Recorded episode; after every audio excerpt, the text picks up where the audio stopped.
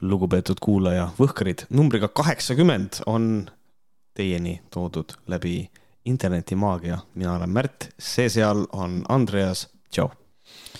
tšau, Märt, tšau, kuulajad. ja selles mõttes äh, kaheksakümmend, aga mitte ainult. ma teen kohe, alguses teen kõik olulise äh, ära, et me ei unustaks jumala eest seda asja.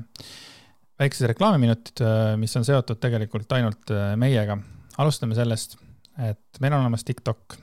kui te ei ole veel äh, liitunud TikTokiga ja kui te ei kavatse mitte kunagi TikTok'i endale teha, siis tehke mingi niisugune ainult selline TikTok, kus te saate ainult võhkareid vaadata. Te vaatate ainult võhkareid, ärge google'i mujale, ainult vaatate võhkareid. et TikTokis on juba päris äh, mitu, ma ei, üle kümne on juba neid äh, väikseid videokesi, kus on mingisugune kas naljakas või põnev või mingisugune selline klipikene et minge siis TikTok'i, Võhkarite nime all on äh, Võhkarite TikTok. just, ja kusjuures äh, kiiresti ütlen vahele, meil on isegi üks TikTok on selline, kus kohas on kasutatud materjali, mida ei ole üheski saates, vaid on äh, võetud väikene väljalõige, mille mina olen montaažis ära, nagu ära lõiganud, aga, aga see inimene, kes teeb meie TikTok'i, nägi seda ja ütles ei, see kuulub avalikkusele. see oli selles mõttes naljakas, et kui see TikTok tuli sinna meie TikToki kanalile, ma olen öelnud praegu seitsekümmend korda TikTok teadlikult ja siis ma läksin TikToki, vaatasin, mis asja, kuna sihuke asi oli, kuradi saade, ma ei mäleta, vaata. ja siis mul mm. läks mingi kaks päeva aega või siis ütleme noh, päev, kuni ma suutsin tuvastada, aa, see oli siis. et äh, jaa, nii et äh, Võhkerite TikTok.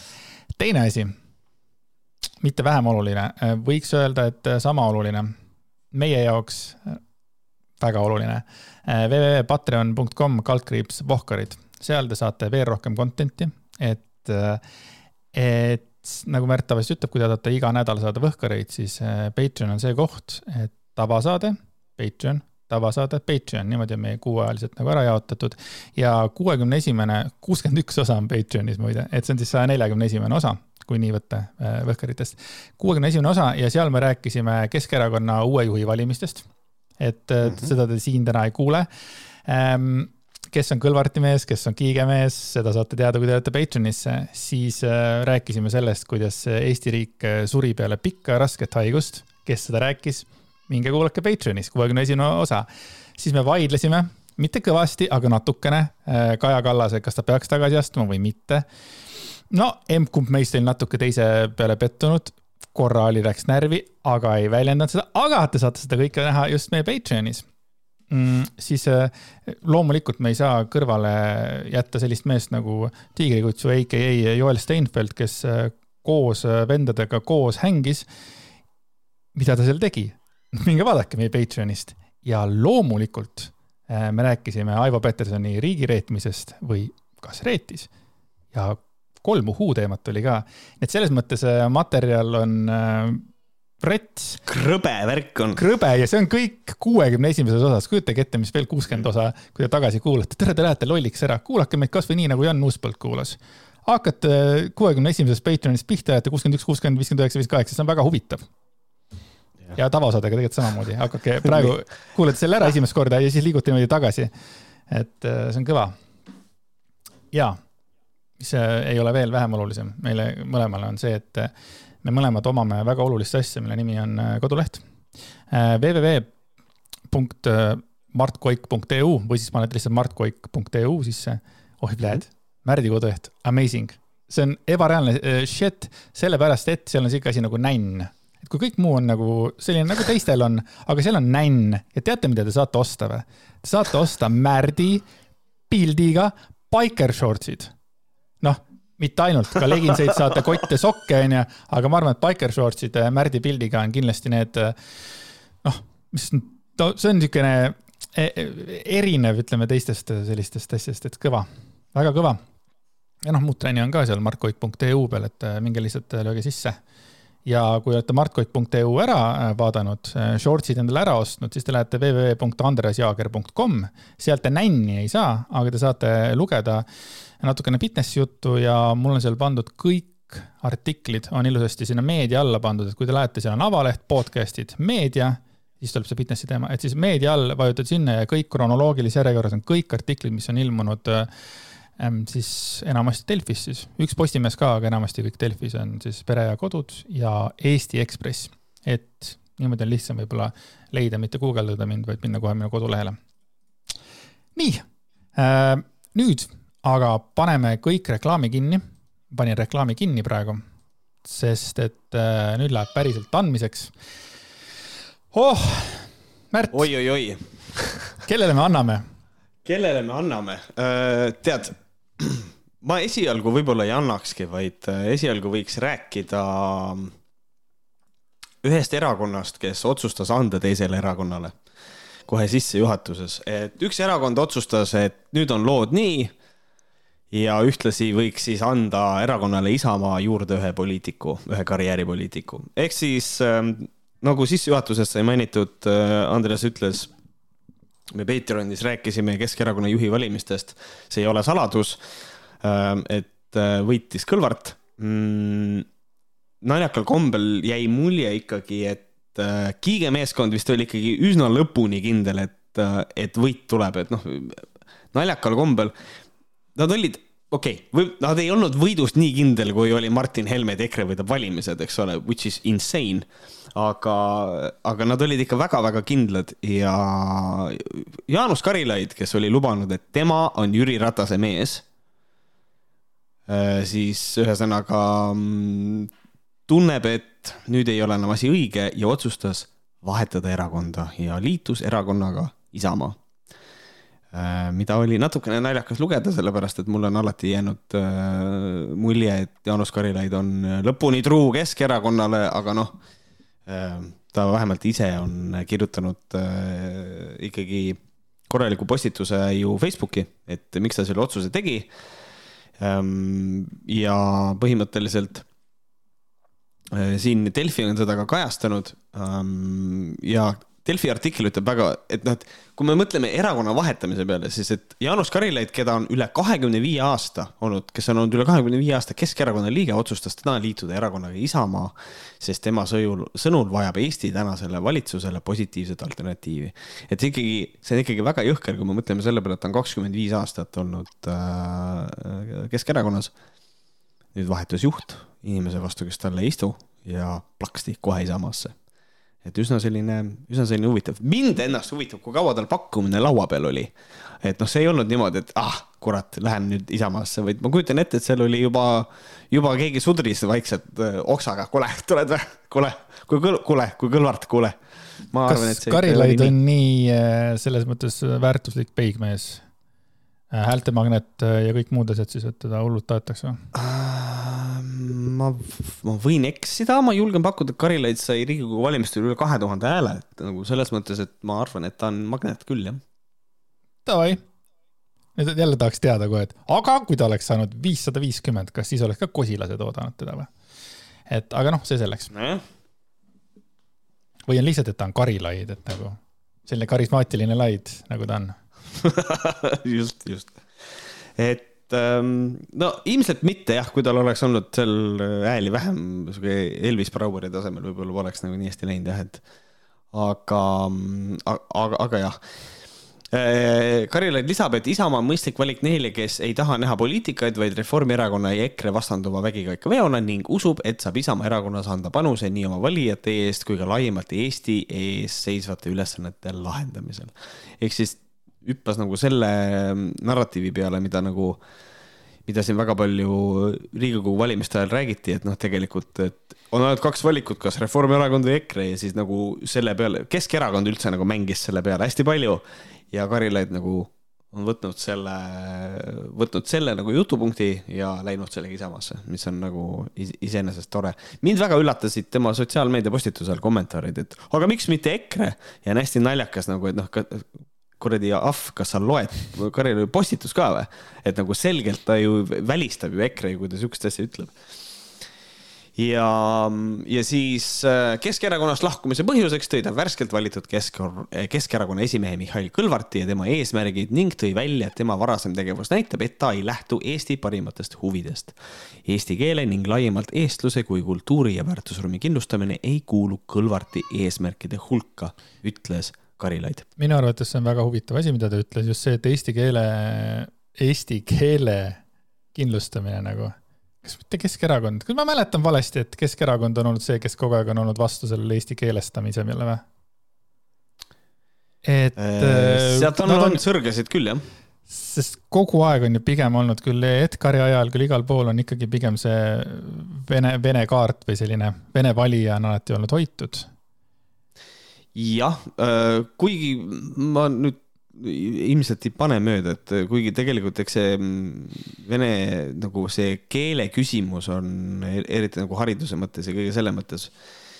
mulle tundub, et see on neil kogu aeg ka nagu natuke nagu siseprobleem ka olnud, et, et noh, nüüd noh, mis muidugi tekitab küsimuse, noh, kui sa varem ära ei läinud, siis aga. ma tahtsingi, ma tahtsingi sinna jõuda, et kui sa oled veerand sada aastat istunud Keskerakonnas noh mm -hmm. ja sellest veerand sajast aastast, no vähemalt kakskümmend aastat on ju mängitud või noh, umbes kakskümmend aastat on mängitud ikkagi sellist kahtlast mängu ja nüüd on nii eestimeelne mees, et aga ei, mida, mida muud on ikka vaja öelda, kui sa lähed Isamaasse, et see on sellepärast, et Keskerakond nüüd selle, noh, kuule, ma ei tea, lõpeta ära, noh. aga kui ta nagu päriselt seda mõtleb, siis mul on väga hea meel ja tuult tiibadesse, baby. jah, selles mõttes küll, et äh, ma nagu, kuidas ma ütlen, et see erakonna vahetus ei mõju mulle nagu debiilsena, et äh, siin nagu selles mõttes Jaanus Karilaid on siiski vähemalt minu arvates kogu aeg, kogu aeg olnud nagu ikkagi konservatiivsemate vaadetega inimene äh,. juttudest, sõnavõttudest, sellest on, see on loetav ja Isamaa ei ole üllatav.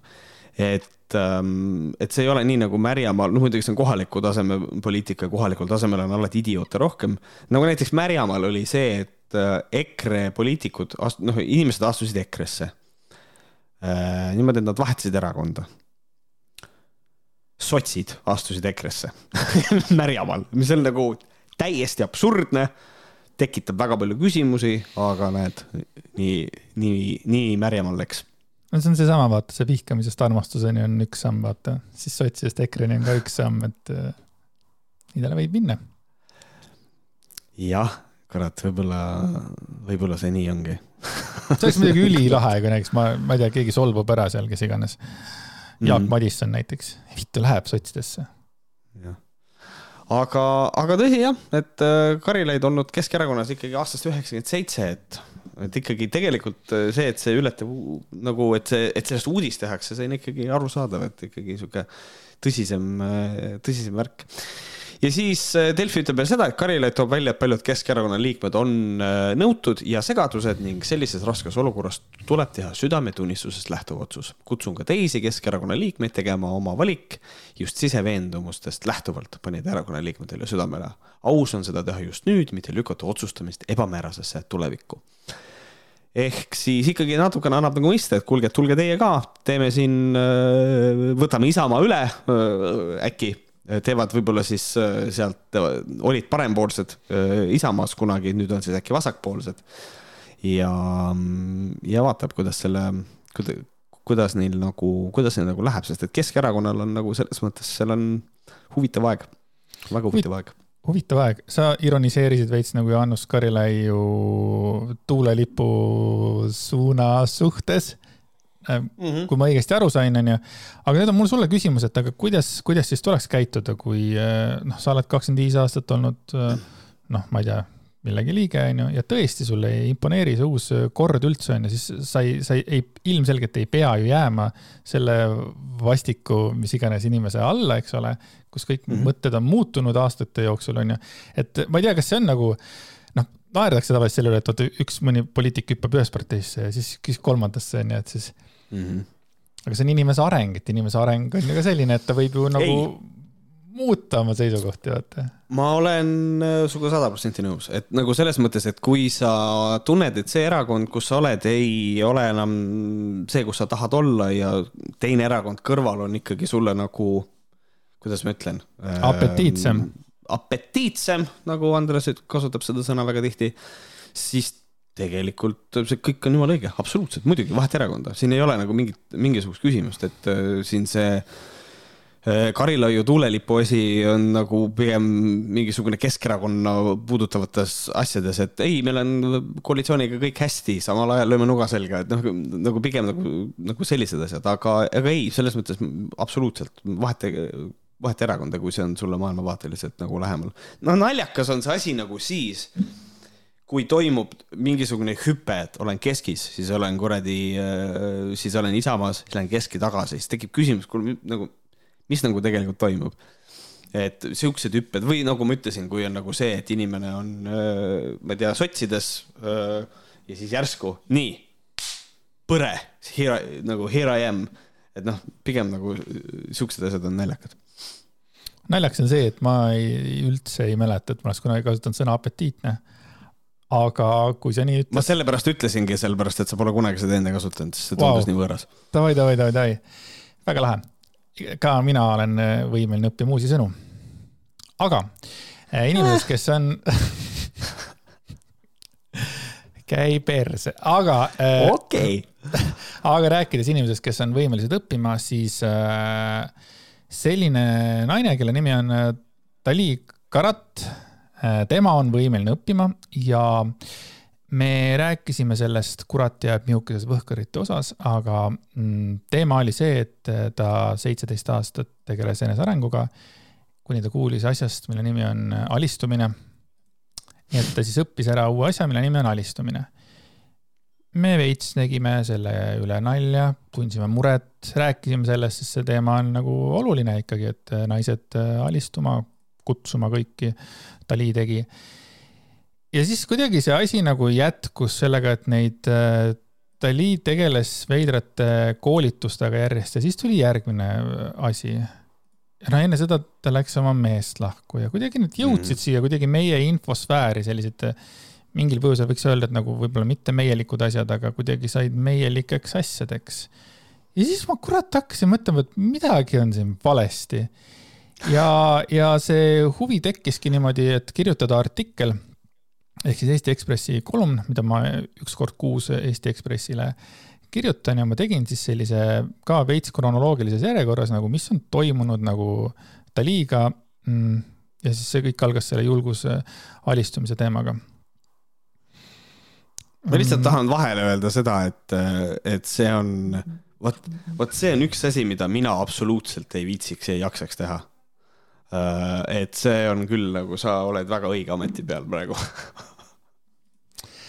ja siis ma tegin sellise artikli, äh, mille nimi on siis lahkumineku ekspert oskab raha teha. ja siis alistu vaid kolmekümne euro eest, et äh, see, ütleme niimoodi, et see tuli väga hästi välja ja on nagu väga rahul sellega.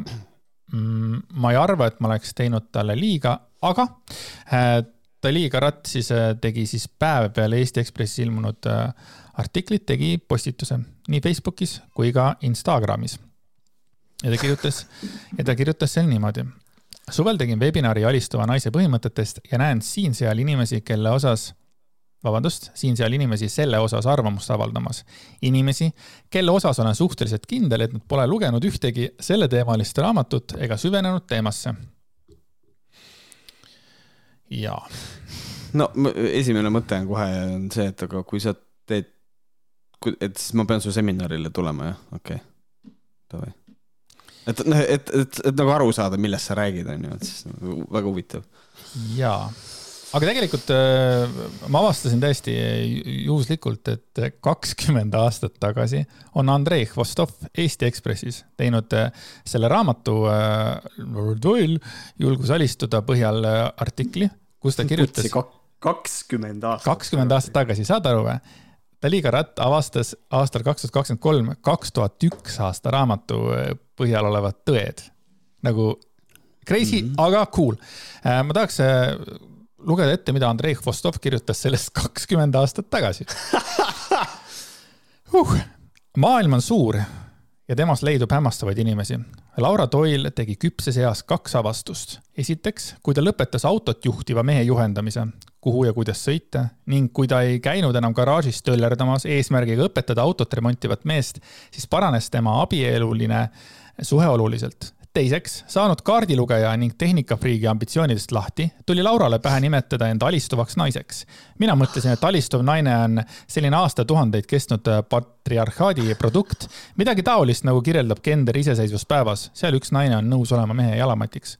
aga ei postfeministlik ajastu tõdeb, et alistuv naine on tüüp, kes ei täidagi ümbritsevat ruumi sajaprotsendiliselt oma egoga.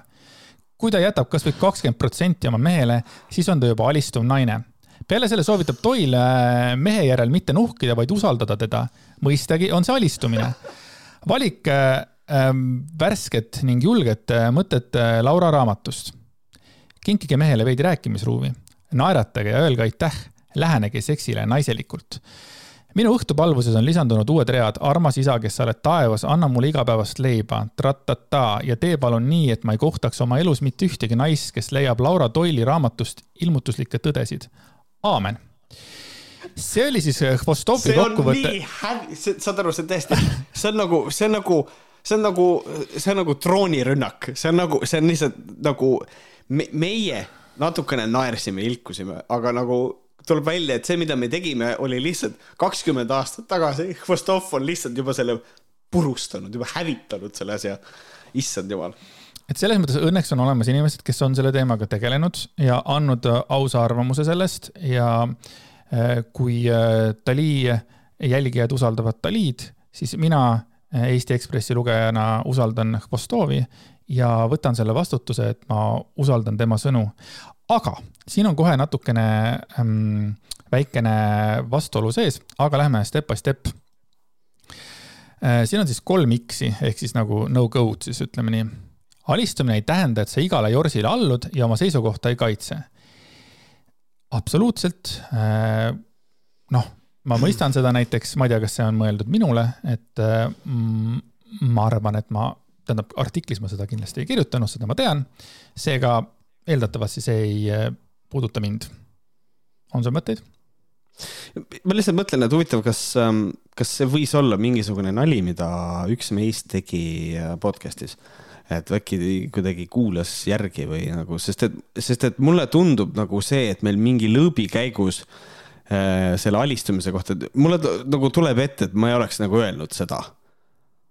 okei okay aga, aga, aga, aga ma ei tea, ma ei hakka praegu saadet järgi kuulama, et nagu selles mõttes, et täitsa võimalik. no ma eeldan, ma kuidagi eeldasin, et äh, mõeldakse artiklit, selles mõttes ma nagu räägin mm -hmm. artiklist kui sellisest mm. -hmm. ja tegelikult äh, mis ma tahtsin tegelikult selle, et kas ma olen äh, lugenud või ei ole seda raamatut, on ju, siis tegelikult äh, laias laastus ei ole mitte mingisugust vahet äh,, kas mina olen lugenud seda või ei ole lugenud, sest ma ei kommenteerinud raamatut nagu äh, artiklis vaid äh, ma tsiteerisin Dali Karati äh, lauseid ja tegin sellest omad järeldused.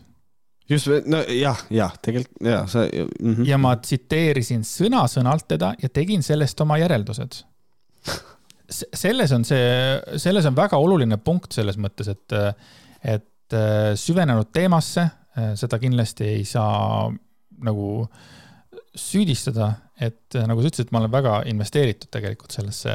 ja vot, ja siin kohapeal ongi tegelikult tekib ju see põhiprobleem, mis on nagu see, et äh, kui sa kirjutad artikli alistumisest ja siis äh, nagu andke andeks, aga äh, ma ei soovita sellisel juhul mitte kellelgi minna Tali Karati mingisugusele kuradi koolitusele või seminarile, kus kohas ta räägib nendest asjadest, sest et kui ta ei ole suuteline seda alistumist sõnadesse panema korrektselt arusaadaval viisil, vaid ütleb sulle, et loe juurde, siis mis mõte on üldse minna fucking ta seminarile nagu, see on ju lollus, noh. on. Teine suur punane X on siis alistuva naise põhimõtete järgimine ei tähenda, et kodus oleks maksimaalselt jobu mees nii, kui ma arvan, et esimene X oli mulle, siis äh, teine äh, X on kindlasti mulle. ja ma nüüd loen, ma tsiteerin iseennast. ma ei tea, kas see on esimene kord, aga ma pole ammu seda teinud. ma kirjutasin artiklis. hästi veider on see, et kõik naised, kellega Dali suhelnud on, neil kõigil on kodus maksimaalselt jobud. miks ma niimoodi ütlen? sest Dali väidab seda ja Dali teab asju nüüd on siis Dali tsitaat. nii palju, kui naistega suhelnud olen, siis märkan, et me kõik tahame olla pigem juhtivad, kontrollivad, kanda pükste enda, pükse enda jalas, hoolitseda kogu majapidamise ja leibkonna eest. rahaasjad on meie hallata, kodused asjad on meie juhtida, lapsed on meie kasvatada, pesu on meie pesta, arved on meie maksta ja nii edasi. ja siis ma kirjutasin õnnekoolitajal on sellel lahendus, milleks on alistumine ja seda kõike ainult kolmekümne euro eest. samuti räägitakse koolitusel sellest, kuidas ja miks pidada lugu oma abikaasast ning kuidas ja miks teda usaldada. usaldada ja pidada lugu sellest molkusest, kes kodus mitte midagi ei tee, seda kõike alistudes. see oli see, mida mina ütlesin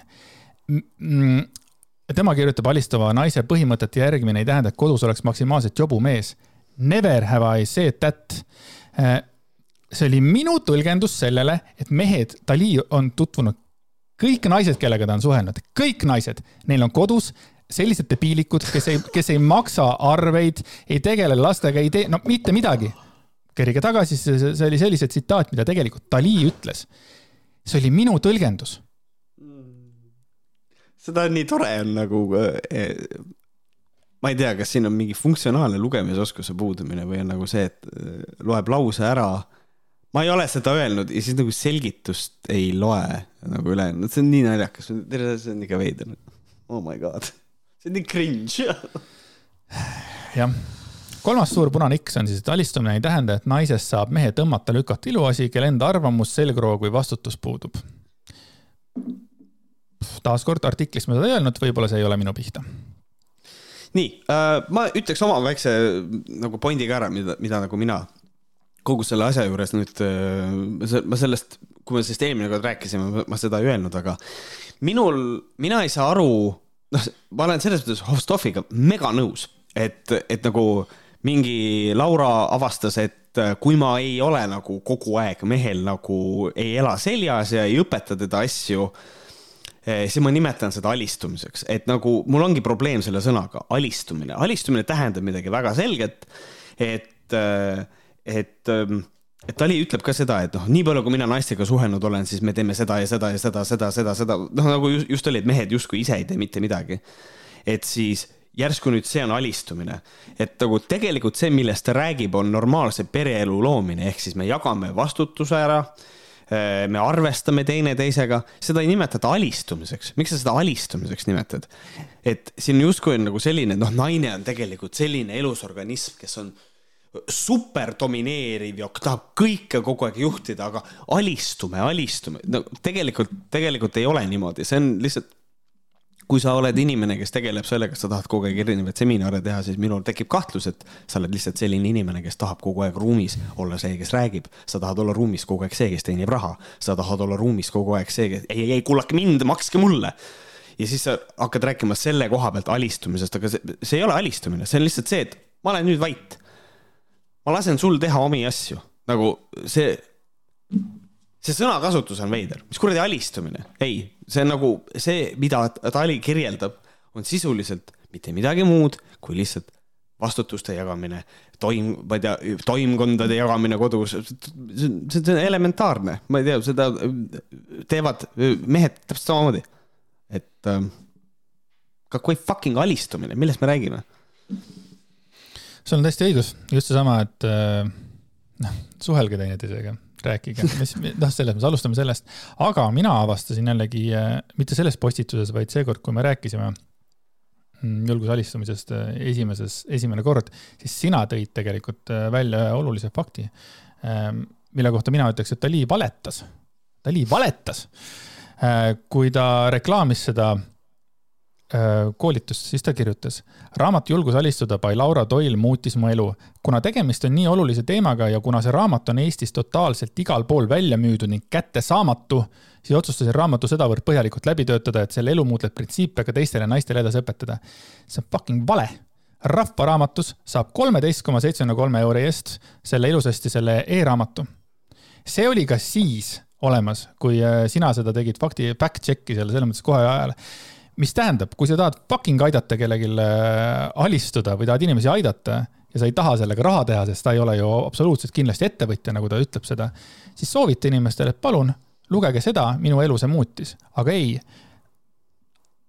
aga ei, lihtsalt ma pean mm ennast vahepeal nagu peatama, sest et äh, ma tunnen, et ma tahaksin öelda võib-olla halvemini, kui ma tunnen, et praegu oleks õiglane.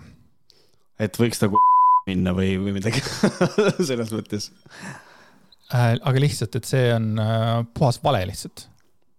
et äh, Rahva Raamatus, palun, neljateist euri eest mm -hmm. lugege alistumise raamatut aastast kaks tuhat üks.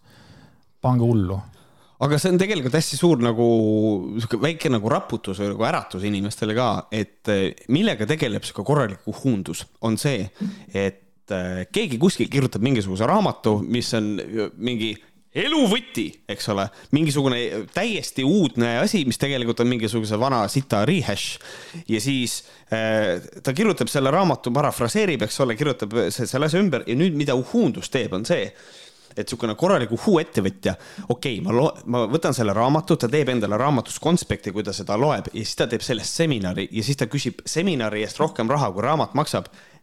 ja see on see, kuidas nad raha teenivad et noh, sisuliselt me võiks ka hakata tegema lihtsalt seda, et me lepime kokku, loeme, ma ei tea, võtame iga kuu ühe raamatu, loeme raamatu läbi Eh, raamat maksab, ma ei tea, viisteist eurot ja siis teeme mõlemad eh, niimoodi, et neljakümne eurone seminar, kus kohas me räägime, mis selles raamatus juhtus. põhimõtteliselt see on see, millega need inimesed tegelevad. nii on jah aga äh, Dali postitus äh,, läheme postituse juurde tagasi äh,, siis ta kirjutas niimoodi. alistuva naise põhimõtted on vundament polaarsusele suhtes. sellele, et naine ei trügi perepeaks ja otsustama kohtades, mida võiks, peaks tegema mees. et naine ei vastuta asjade eest, mis võiks, peaks olema mehe õlgadel. et naine ei muutuks kodus türanniks, kes surub oma jõulisusega mehe lapse positsioonile, ise seejuures rahulolematult ülekoormatud olles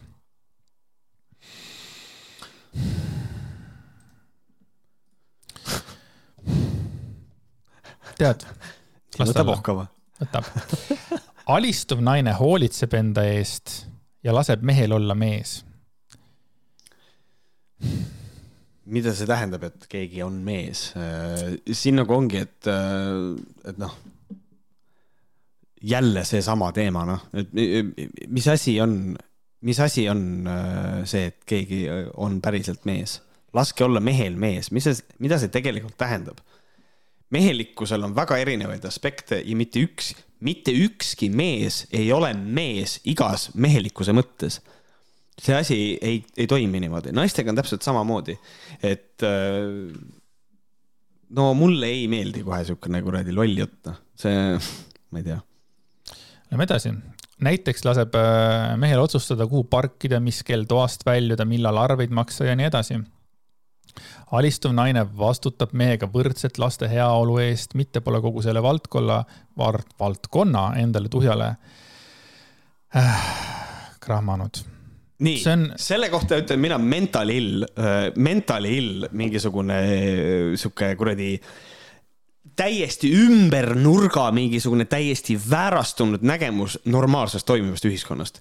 normaalne toimiv ühiskond minu arvates ongi see, et naine ja mees äh, on laste heaolu mõttes täiesti võrdselt. absoluutselt, jagage võrdselt ära, kui on võimalik, tehke asju võrdselt, ei ole niimoodi, et mees vastutab või naine vastutab laste eest, sest et lapsed vajavad kasvamiseks. kui te olete need lapsed otsustanud saada, siis jumala eest hoolitsege mõlemad nende eest, kui vähegi võimalik, absoluutselt, sada protsenti, aga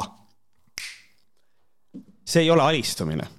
see on minu arust normaalne toimiv ühiskond, sellele ei ole vaja juurde pookida mingisugust väärastunud kuradi mentali ill mingisugust äh, äh, kuradi ümber, ümber nurga mingis, noh, sisuliselt täpselt sama asi, mis ma nagu rääkisin. miks me seda alistumiseks nimetame?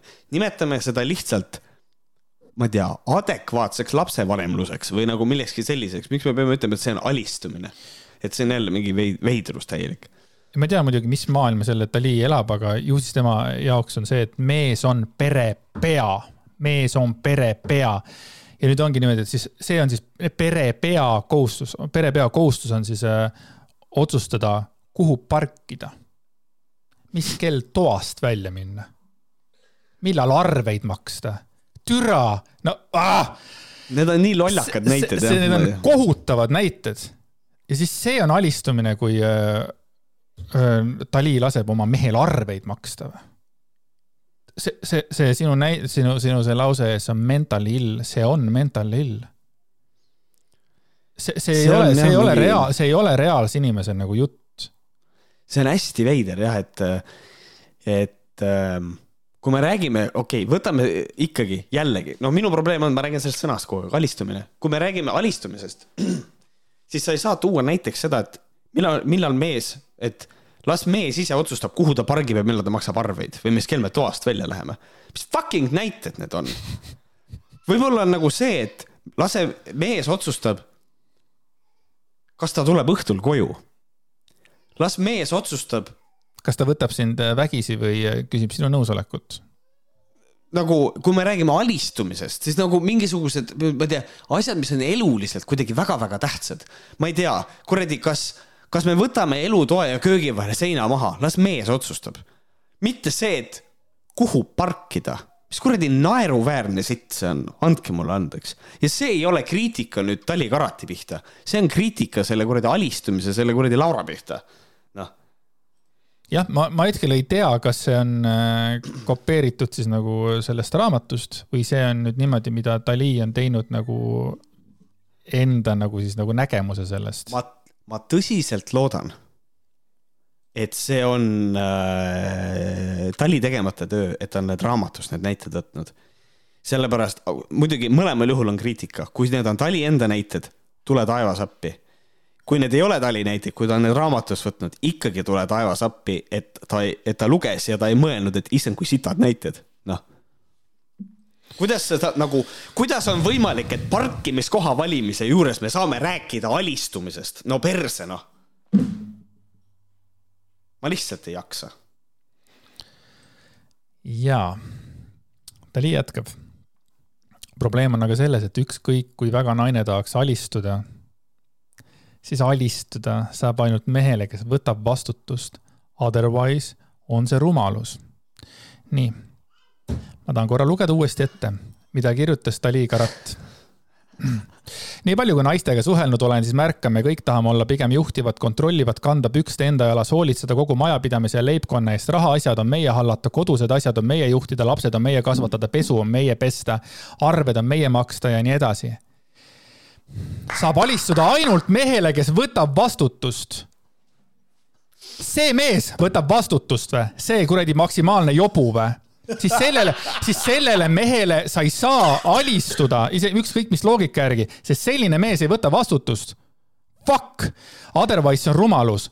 ongi, see ongi rumalus. see mitte otherwise, vaid see ongi rumalus. ja ta, ja ta, ta loeb seda, ta ei saa aru sellest, et see üks cancel dab teise ära, see mõte ju kuradi vastutuse, rääkima sellest, mis, mis asi see vastutus on. hakake kuradi ah,, kindlasti on olemas ka, mis see vastutus tähendab, seal on ka kõik kirjas, mis, mille üle mees vastutust võtab mm. -hmm. ta ei võta ju vastutust, kui ta istub seal, ei tee mitte midagi ju. ja see ei ole sellepärast, et naine on türann. ma mõtlen selle peale, et, et võtab, võtab vastutust, kas kui keegi võtab vastutuse, siis ma, mul on, mul on kogu aeg see küsimus, et kas nad mõtlevad päriselt nagu tõl tõlkes, kas see on responsibility või see on ownership, millest nad räägivad, sest et need on inglise keeles, need kaks terminit on erinevad, aga eestikeelne Who äh, kogukond äh, kasutab sõna vastutus äh, nagu mõlema kohta mm. -hmm. Jocko Willink on see, kes ütleb ownership ja ownership ja siis kogu aeg öeldakse take ownership, aga öeldakse võta vastutus no,, tegelikult võiks võtta kasutusele mingisuguse muu termini, et nagu äh, ma ei tea, kontrolli olukorda või ole või olukord on sinu kontrolli all, midagi sarnast. et mul tekibki nagu see küsimus, et kui inimene on selline, kes nii-öelda see ownership'i mõttes takes ownership, siis kas sellisel puhul üldse on vaja alistuda, kui niikuinii mees võtab vastutuse? aru ma ei näe selle koha peal ähm,. muidugi siin on jälle, noh, siin saab mängida selle mõttega, ei, aga võib-olla naine ei luba, okei okay,, aga siis tekib küsimus, et kas mees päriselt võtab vastutuse, kui naine saab selle talt ära võtta, et noh, siin ongi see küsimus, et ähm,. jah, mees äh, ei võta vastutust, vaid naine annab talle vastutuse. et siin on naine... nagu see küsimus, siin tekib lihtsalt see tunne, et, et ja jällegi, see ei ole, see ei ole Tali Karati pihta, see on selle alist juhtumise kuradi idee autori pihta on see, et see on suht, tundub mulle väga läbimõtlemata loogika, läbinisti lihtsalt. Hmm. ma ikkagi tahaks teada, kas need on praegu, kas tema tsiteerib või tema nüüd teeb selle enda omaks. ja nagu lihtsalt äh, kirjutab oma mõtetega ümber selle. see on, see on väga et oluline tegelikult. Et Tali, äkki sa viitad järgmine kord, et kui sa nagu võtad, tsiteerid raamatust, äkki sa viitad, üldiselt on hea mõte viidata allikale niimoodi paljud mehed on aga domineerivate emade ja naiste poolt nii maha surutud ja iseseisvuse kaotanud, isegi lipsu valimisel oodatakse naise otsust ehm,. väga huvitav selles mõttes point jälle, et, et isegi lipsu valimisel oodatakse naise otsust. nüüd on minu küsimus selles, et kas mees on alistuv, kui ta küsib oma naise käest, et kallis, kas see lips sobib mulle? Kumma ja, lipsu ma panen? kumma lipsu ma panen või siis näiteks äh, ma ei tea, kui, kui naine siis näiteks küsib meie käest, et aga kumma kleidi ma panen või kas see kampsun teeb äh, mind ilusaks või kas see on alistumine kõik või? see on täiesti normaalne inimestevaheline suhtlus. ja, just, ja, just. Ja, ja nüüd tekib küsimus, kas Dalil on siis nagu puh-, puhta puudus olnud sellisest asjast, et ta sellised nagu näited üldse tulevad äh, jah, vaata, siin ongi, mulle tundub, et ta ei ole üldse nagu tuttav sellise kontseptsiooniga nagu see, et inimene on kahe vahel.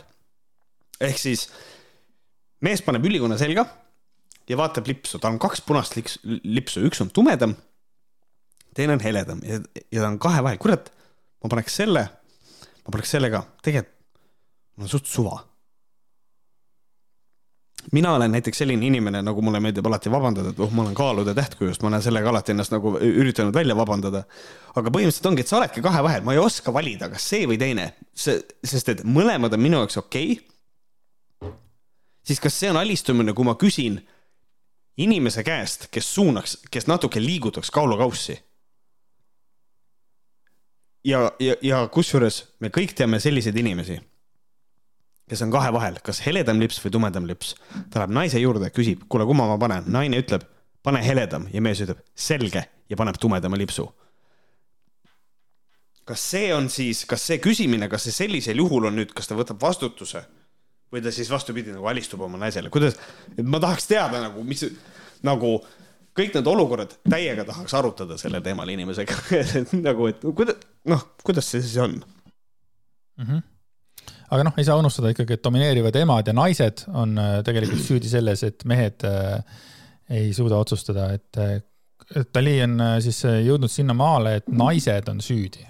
Naised on praegu süüdi kõiges, see on, minu arvates on see jälle vastik, et äh, naine tegeleb äh, selles mõttes nagu naiste mahasurumisega, aga alati võimalik äh, alistuda, saab paremaks. Äh, jätkame siis, äh, tõsi, paljud naised on ise loonud kodus olukorra, kus nemad on üle ja mehed alakoormatud, seda lihtsal põhjusel. kui turvatunnet pole, siis tahab närvisüsteem läbi kontrolli seda saada. kontrollima peab aga oma ümbrust, sealhulgas meest, teda õpetades, juhendades, kritiseerides. see loob när-, näilise turvatunde, mis suures pildis loob hoopis väsimust, üksindust ja rahulolematust kurat, ma ei ole selles, ma ei ole selles nii, ma mõtlen, millele nüüd, mis materjalile ta toetub, kui ta seda ütleb, sest minu esimene mõte on kohe see, et et nüüd ta hakkab närvisüsteemist rääkima kõike seda, kui sa ennast ikka turvaliselt ei tunne ähm,, siis kas see on nii, et sa hakkad turvatunnet ise looma? Ja siis lood turvatunde täielikult ise või, või on see, et sa lihtsalt lähed minema, kui sa ei suuda ennast inimesega koos turvaliselt tunda? ja mis, noh, ma ei tea siin on äh, küsitavusi iseenesest Ta,. kas tahaksid viiteid? sellele närvisüsteemi asjale küll jah, see on, see on, see on nagu, see on nagu siiralt põnev, sest et ma võin inimesena täiesti uskuda seda, et jah, et see nagu tundub mulle mingisuguse andmestiku valesti tõlgendamisena. aga üldiselt ma nagu saan aru sellest põhimõttest, see ei tundu mulle nagu ebausutav, et inimene ei tunne ennast turvaliselt, ta eeldab ühelt inimeselt midagi, see inimene ei tee seda ja siis ta hakkab ise ehitama omale seda turvasüsteemi. jah, okei okay,, ma nagu suudan seda nagu, ma suudan sellest nagu aru saada, aga siis, kui me liigume nüüd alistumise peale, siis mul tekib arusaamatus, sest et kui, kui ma ei tunne ennast oma partneriga turvaliselt ja hakkan ise seda turvasüsteemi ehitama, siis alistumine ei aita kaasa turvasüsteemi ehitamisele, sest et minu elukaaslane niikuinii sellega ju ei tegelenud, miks ta siis järsku peaks hakkama sellega tegelema? et siin on minu, minu jaoks on siin täielik ebakõla, aga kindlasti suudetakse seda mulle palju paremini seletada mm. -hmm. ma tahaks öelda jälle sellele, et aga inimesed, rääkige teineteisega. kes, kes, kes just. suhtes olete, rääkige teineteisega. ülekoormatus võib, üle, ülekoormatus võib tekkida mõlemalt poolt selles mõttes, et äh, rääkige teineteisega, jagage, jagage ülesandeid. Te ei pea hakkama alistama või mingeid asju nagu, aga mida ka mina tean, mina ei ole olnud kahekümne aasta jooksul kuues suhtes. ma olen palju vähemates olnud seega. et noh, siin ongi üldiselt on alati hea plaan, et nagu kui, kui sa kunagi tunned suhtes nagu seda, et, et nagu sa tunned, et sa teed üheksakümmend või noh, Tali karate näite puhul peaaegu et sada protsenti asjadest ongi, istu, istu maha, rääkige, pange paika mingisugused kuradi, et kuule, lepime kokku, et sina vastutad selle eest, sina vastutad selle eest. no mingisugused siuksed asjad, noh. et äh, need asjad on väga lihtsad, noh. kui minu abikaasa on, on, on rase, siis mina äh, nii palju kui võimalik, juhul kui me kodus ei ole, siis on nagu teine asi. mina vastutan kassi WC-de eest näiteks, sellepärast et äh, kassi fekaalist võib saada toksoplasmoosi et, et vähendada seda riski, see on väga ebatõenäoline, et see juhtub, aga vähendame seda riski veel, mingisugune asi on ju. lihtsalt elementaarne, et see nagu Tali nagu jutust või on see sellest raamatust, vaata ongi noh, enam, enam ei tea, kus Tali mõte hakkab ja, ja kus see lõpeb, on ju. et siis ongi nagu see, et, et justkui naised, kõik asjad teevad ise ära, aga nii palju, kui mina tean, normaalsed, terved, funktsioneerivad naised seda ei tee. Nad ikkagi räägivad oma partneriga tähendab, ma tahtsin öelda, et äh, nukid, mina olen mõlemad äh, Lemmelisi rasedused äh, kassi tualettide eest äh, hoolitsenud. seega mina olen oma elus jah, nagu ainult mina olen siis üheksa pluss üheksa kuud. aga jätkame äh, tähtsamate teemadega, näiteks alistuvad naised. Ja nüüd Dali kirjutab, ma tutvusin alistuva naise põhimõtetega liiga hilja, et oma viimast suhet päästa. loodan siiralt, et selle teema tõstatamise ja oma videoloenguga jõuab nii mõnigi naine oma suhte päästa. aga rõhutan, et alistada saab ainult mehele, kes võtab vastutust. jah, millest me juba rääkisime, et see on veits nagu pekkis loogika. ja, aga noh, siin on jälle see nagu hästi suur error minu jaoks on see, et ta õpetab äh, naistele alistamise kunsti. ta, minul on probleem juba sellega, kui inimene nagu, tal on mingi mõte, see sobib talle ja siis ta hakkab seda õpetama, onju, siis ta näeb, et see toimib. minu jaoks on, aga veel suurem probleem on selles, et kui sa isegi nagu ei ole proovinud seda, vaid sa lihtsalt eeldad, et see toimib ja sa võtad sellise vastutuse, et sa võtad terve hunniku eeldatavalt naisi ja hakkad neile õpetama alistumise kunsti et nemad peaks hakkama meeste, et kuna mees välja tahab minna autoga sõitma või, või mis iganes sellised parkimised ja mis asjad seal olid, onju. Minu jaoks on see Mm. väga suur error, et sa õpetad midagi, millest tegelikult sul puudub igasugune võimalus isegi olla. mulle meenub äh, füüsikatund äh, või vabandust, keemiatund, kus oli, kus oli nagu see, et äh, oli teoreetiline osa, et, et noh, et asjad soojuse käes ju paisuvad, on ju nii ja, ja, ja. ja siis õpetaja tõi laua peale metallist rõnga ja ühe metallkuuli ja see kuul oli keti otsas ja ta lasi selle kuuli rõngast läbi, hästi napilt läks läbi ja siis ta küsis kui ma nüüd selle küünlaleegi sisse panen, selle äh, kuuli ja hoian seda seal natukene, kas ta läheb, kas ta paisub nii palju, et ta ei mahu läbi sellest rõngast? terve klass, ei paisu nii palju. õpetaja pani kuuli ähm, küünlaleegi sisse, hoidis ja lasi selle rõngasse ja pall jäi rõnga külge kinni, sest et ta ei mahtunud enam läbi, sest et pall paisub nii palju ehk siis, mis ma tahan öelda, on see, et üldiselt eh, selliste seminaride puhul, eriti nagu sellises keskkonnas, nagu sa just ütlesid, on nagu see, et noh, et ta ei ole seda proovinud, et praktiline pool on ka tegelikult ikkagi hästi oluline.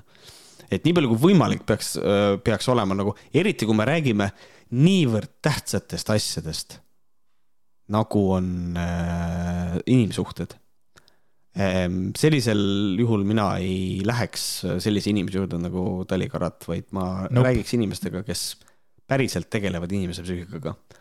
et äh, mis iganes, käige nõustaja juures, käige paari nõustaja juures, mida iganes, aga mitte inimene, kes on kas kuulanud ühte podcast'i või lugenud ühte raamatut ja siis hakkab selle teemal andma seminari. Mhm. et see on, see ei ole õige. Minu suurim probleem või noh, üks suurimaks probleemidest selles asjas oli ka ikkagi see, see ebaõnnestunud nagu ajastus. kas nagu Tallinn nagu, kas ta kasvõi natukene ei mõelnud selle peale, et kui sa kakskümmend juuli reklaamid seda alistumise kunsti ja räägid sellest nii õhet, õhetades, ahhetades onju. ja siis kaksteist päeva hiljem teavitad, et sa läksid mehega lahku et nagu keegi, nagu keegi ei pane tähele seda või, et kas nagu need inimesed, kes nagu seda Dalid jälgivad, kas nagu ta nagu korraga ei mõelnud selle peale, et see on ju, see on ju pask. nii, siis Dali äh, selles mõttes on tubli, et ta suhtleb hetkel minuga läbi story'de ja siis läbi postituste. ja mina mitte siis... sinuga otse, vaid äh, nagu umbisikuliselt läbi story'de või?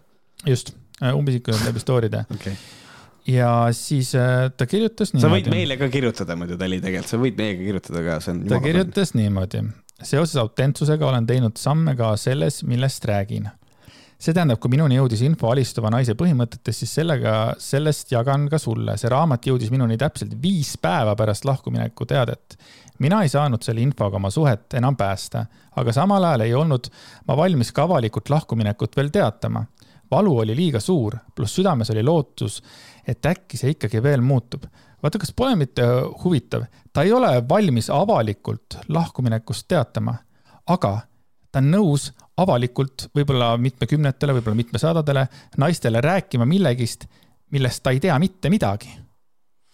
minu jaoks ei ole isegi see nii suur probleem, minu jaoks on lihtsalt see, et mul on hästi suur, tähendab, see on nüüd usu küsimus, aga ma ei usu seda juttu absoluutselt. kuidas on võimalik see asi, mul on nii valus, ma läksin lahku, nii, kõigepealt ma ütlen seda, sa läksid lahku, see ongi valus, see on normaalne. kaastunne selle koha pealt kohe kindlasti, aga sa ei taha seda välja öelda, et te lahku läksite, aga jumala fine on selle perioodi ajal teha postitus, kus kohas sa ütled seda, et mul oleks väga paljud lahkuminekud olnud olemata, kui ma oleks teadnud alistumisest kas see on nagu okei okay? ja siis pärast öelda, et sa läksid lahku, et nagu kas inimene paneb nagu selle pildi kokku kui loll see välja näeb. et nagu mind hämmastab nagu see. Sorry, lihtsalt null PR-i oskus, nagu mm -hmm. ma ei tea. aga tal on sellele ka vastus. Äh, kui ma ei ole ehe, siis ma ei tee. viimased kuud olen laperdanud ja seda sulle siin ka näidanud, võib-olla teinud ebaloogilisi ja küsimusi tekitavaid otsuseid, jagamisi ja samme, aga see on olnud parim, mida tol hetkel olen suutnud teha. selge. ja nüüd selles mõttes noh, ma ei saa öelda, et on nagu tulemus käes, aga tulemus on käes. sinu ebaloogilisus paneb kõikuma äh, täielikult sinu usaldusväärsuse hingehoidja, õnnekoolitaja, motivatsioonikoolitaja, rääkimata sellest, et noh, õnnekoolitusest, äh, õnnekoolitajana omada poolteist aastat depressioonis meest, sellest ma olen rääkinud, seda ma ei pannud siia artiklisse, sellepärast et ma arvasin, et see ei ole nagu äh, sünnis, sest et ma tegelen tegelikult praegu selle alistumise ja selle, sellega, mis toimus täpselt selles äh, kronoloogilises mm järjekorras, nagu mul artiklis on. neli kronoloogilist äh, numbrit nagu, nagu küsida, what the fuck is going on? nii, aga äh, siin on lõpus veel, et aga rõhutan, et alistada saab ainult mehele, kes võtab vastutust. vot, et. jah, äh, see on ka see, mida me enne, millest me ka enne rääkisime, et see on natukene naljakas, võttes arvesse, et naised teevad tema tuttavad naised teevad kõik majapidamises ära, et mis, siis ta ei võta vastutust niikuinii. aga see pole veel kõik, mul on natukene veel äh, mõtteid mm,. ta jagas ka seda postitust äh, Instagramis, seda, mida me siin äh, lappasime, lappasime ja. ja sinna alla tekkis üks kommentaar, äh, et äh, üks pikem kommentaar siukene, kus üks äh, inimene kirjutas ja küsis küsimusi, et miks naised vastutavad kõige eest ja seal oli veel terve hunnik häid küsimusi. mul oli nii, et vau wow,, nice et suure tõenäosusega Dali vastab kohe, et mm, -hmm. et ma näen, mis on siis nagu vastused. Dali kustutas selle küsimuse ära. ongi nii või? jah, mis tähendab, et kõige vastikum selle asja juures on see, et kõik, mis natukene siis kritiseerivad või panevad küsimärgi alla siis tema või siis Laura Doyle'i või kelle iganes teooria, see, kas kustutatakse ära või pööratakse siis oda ots sinnapoole, et, et nagu see inimene on katki, kes kritiseerib, äh, kes kritiseerib teda oh.. et no. Äh, tali pihta kriitika on keelatud, eks ole, aga äh, naljakas on see, et ta raiub oma tõdesid ja küsib nende tõdede eest raha. see on okei okay minul aga Tõe, ei ole. muidu, mis ta saab raamatutest, mida ta loeb, mis ei ole tema enda Just. nagu selles mõttes justkui, see on see, ikkagi oluline aspekt siin. see ongi pull, aga minul ei ole õigus pöörata tähelepanu äh, ja olla kriitiline tema siis nagu siis postituste avalike ja reklaamide suhtes. nagu see on hästi-hästi inetu, aga ka see pole veel kõik. siis tal tegi ühe story, mis nüüd ma nagu sada protsenti tean, et see oli mulle ja ta kirjutas. hukkamõistmise, kriitika, hinnangute andmise ja valeks tembeldamise asemel püüa hoopis mõista, armastada, toetada ja arendada endas kaastunnet. ja eelkõige ole uudishimulik endas osas. mis sinus toimub, mis sind ärritab, mis sind minu protsesse jälgides huvitab, rõõmustab, kurvastab, käivitab. kui ma selle postituse või selle story ära nägin. kui katki oled sina ja kui katki on sinu jälgijaskond. siis mu pea plahvatas, nad räägivad sama juttu äh,. valgustunud inimesed selle asemel, et vaadata korra peeglisse ja küsida endalt, võtta vastutust siis selles mõttes -hmm. nagu ja lugeda funktsionaalselt siis äh, nagu funktsionaalne lugemisoskus, kuidas seda ütled tavaliselt. siis pööratakse, ütleb, kui katki on sinu jälgijaskond, kui katki oled sina, onju. aga ma mm ütlen, ma ütlen ausalt, mul on äh, äh, liiga suur äh, kaastunne ja ma tunnen liiga suurt kaastunnet ja ma tunnen kaastunnet äh, kõigi, kõigi nende suhtes, kes on Tali poolt ära tinistatud ja ei näe seda vastu käivad, vastukäivat selles mõttes. träni kõik, mis praegu Tali on paar kuud teinud, eks ole. Ähm, aga minul on üks küsimus veel, et äh, mis äh, diagnoosi võiks panna inimesele, äh, kes iga avastuse peale, ükskõik, mis ta elus toimub, ta teeb kohe koolituse ja arvab, et iga, iga asi, mis tema välja mõtleb, loeb kuskilt, kuuleb, kõik on väärt kolmekümne euroseid koolitusi. et ma tahaks nagu selles mõttes küsida tema käest, et, et mida sina nagu arvad või mõtled sellest, kuidas sa teed, et, et see on ainus tõde selles mõttes ja kui keegi nagu püüab olla kriitiline või on kriitiline ja, ja tsiteerides sind teeb siis nagu enda arusaama põhjal siis nagu ähm, noh, siis otsused, mida ta siis aru saab sellest ja küsib, kas need asjad on niimoodi. Aga... minul on nagu, mul on diagnoos muidu olemas, on kapitalist, ta on korralik ettevõtja äh, selles mõttes, ta on väga korralik ettevõtja. et see on minu diagnoos. et, ähm,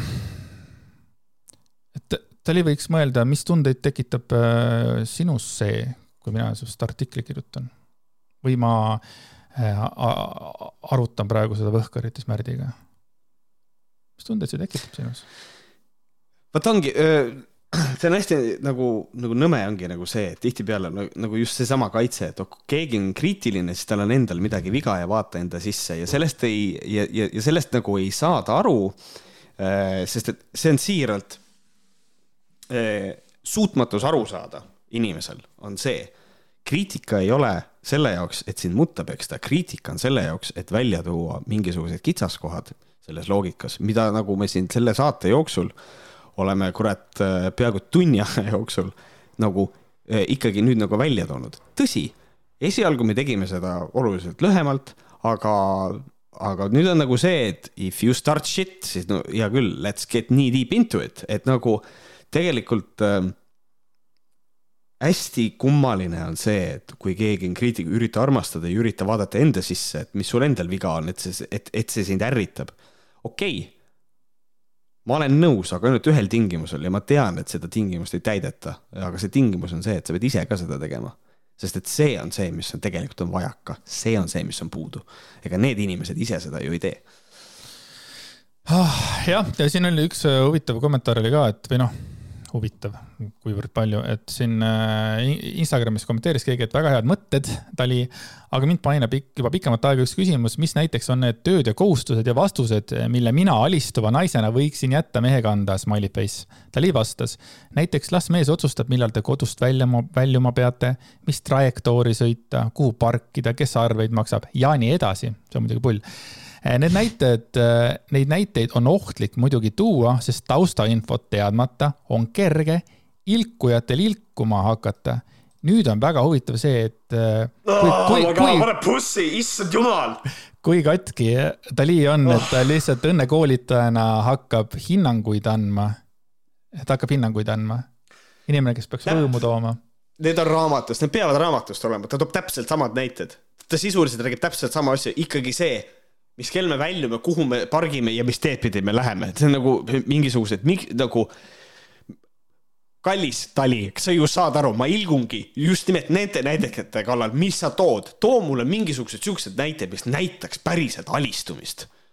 näiteks kas me saame kolmanda lapse või mitte mees otsustab, see on alistumine, vot siin me räägime alistumisest. naine ise täiega tahab, mees ütleb ei, ma ei taha ja siis on nagu sa alistud, ei taha.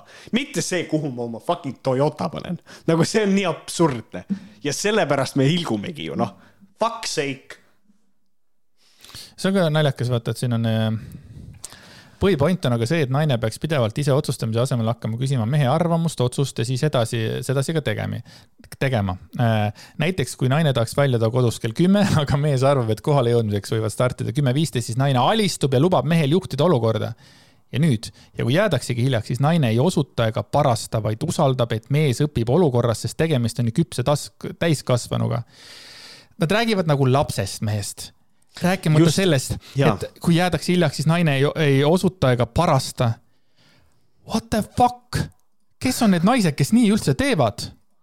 nagu va-, ma räägin sulle, vaata peeglisse, kuidas, kellele sa räägid, mis asi see on, mis asi see on? ja hästi, palun vabandust, hästi inetu, tekitab palju küsimusi nagu, kuidas, et huvitav, miks, miks need suhted katki on siis läinud? Nagu see viimane ka, et nagu kas, kas sa siis parastasid enne või jäid hiljaks, kuradi väärakas. nagu, mis nagu toimub, aga kõige huvitavam asi on see, me räägime alistumisest, onju. nii, kuidas on võimalik, et sa räägid, et naine alistub, aga tegelikult naine ei alistu, sellepärast et tekst ütleb seda, et naine nagu lubab mehel hiljem startida. kas see on alistumine või see on lihtsalt see, et hea küll stardime siis hiljem, sa annad loa nagu hiljem minna, kas see on nagu seesama või?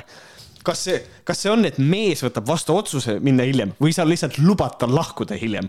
nagu need on nagu, see sõnakasutus on nii naljakas juba minu jaoks. ja nagu, ja nagu teine asi on see, kogu selle näite eeldus on see, et mees tahab hiljem minna. ja see on vale, see, et nagu naisel on kogu aeg õigus aga, aga äkki on niimoodi, et mees ütleb davai, lähme viisteist minutit hiljem ja nad jõuavad kümme minutit varem kohale ja siis on nagu see, kas siis naine äh, nagu, kas siis mees peab alistuma ja ei ütle parastab, et näed, mul oli õigus. või et nagu siin on, see kõik on nii lollakas lihtsalt, ma lihtsalt ei kannata seda paska. see ei kannata välja Räme. ja siis täiesti viimane pask Maarja Kaseväli kirjutas sinna veel kommentaari, et need põhimõtted aitavad, aga ma ka usun, et meil on vaja kogeda mõlemat meest, nii sellist, kellel ei ole võimalik alistuda, sest ta lihtsalt ei saa eluga hakkama Eh, ning mees, kes on väga iseseisev, vastutav, usaldusväärne, neid äärmusi suhtes kogedes õpib ka kõige vahetumalt, aga vahel saab õppida ka sellest, kui isa, vend, onu on ühes või teises äärmuses. ja siis Dali vastas. jah, teooria muutub väärtuslikuks ainult läbi praktika, see on muidugi päris naljakas kuidas sa üldse julged seda öelda, appi. aga ta julges öelda seda.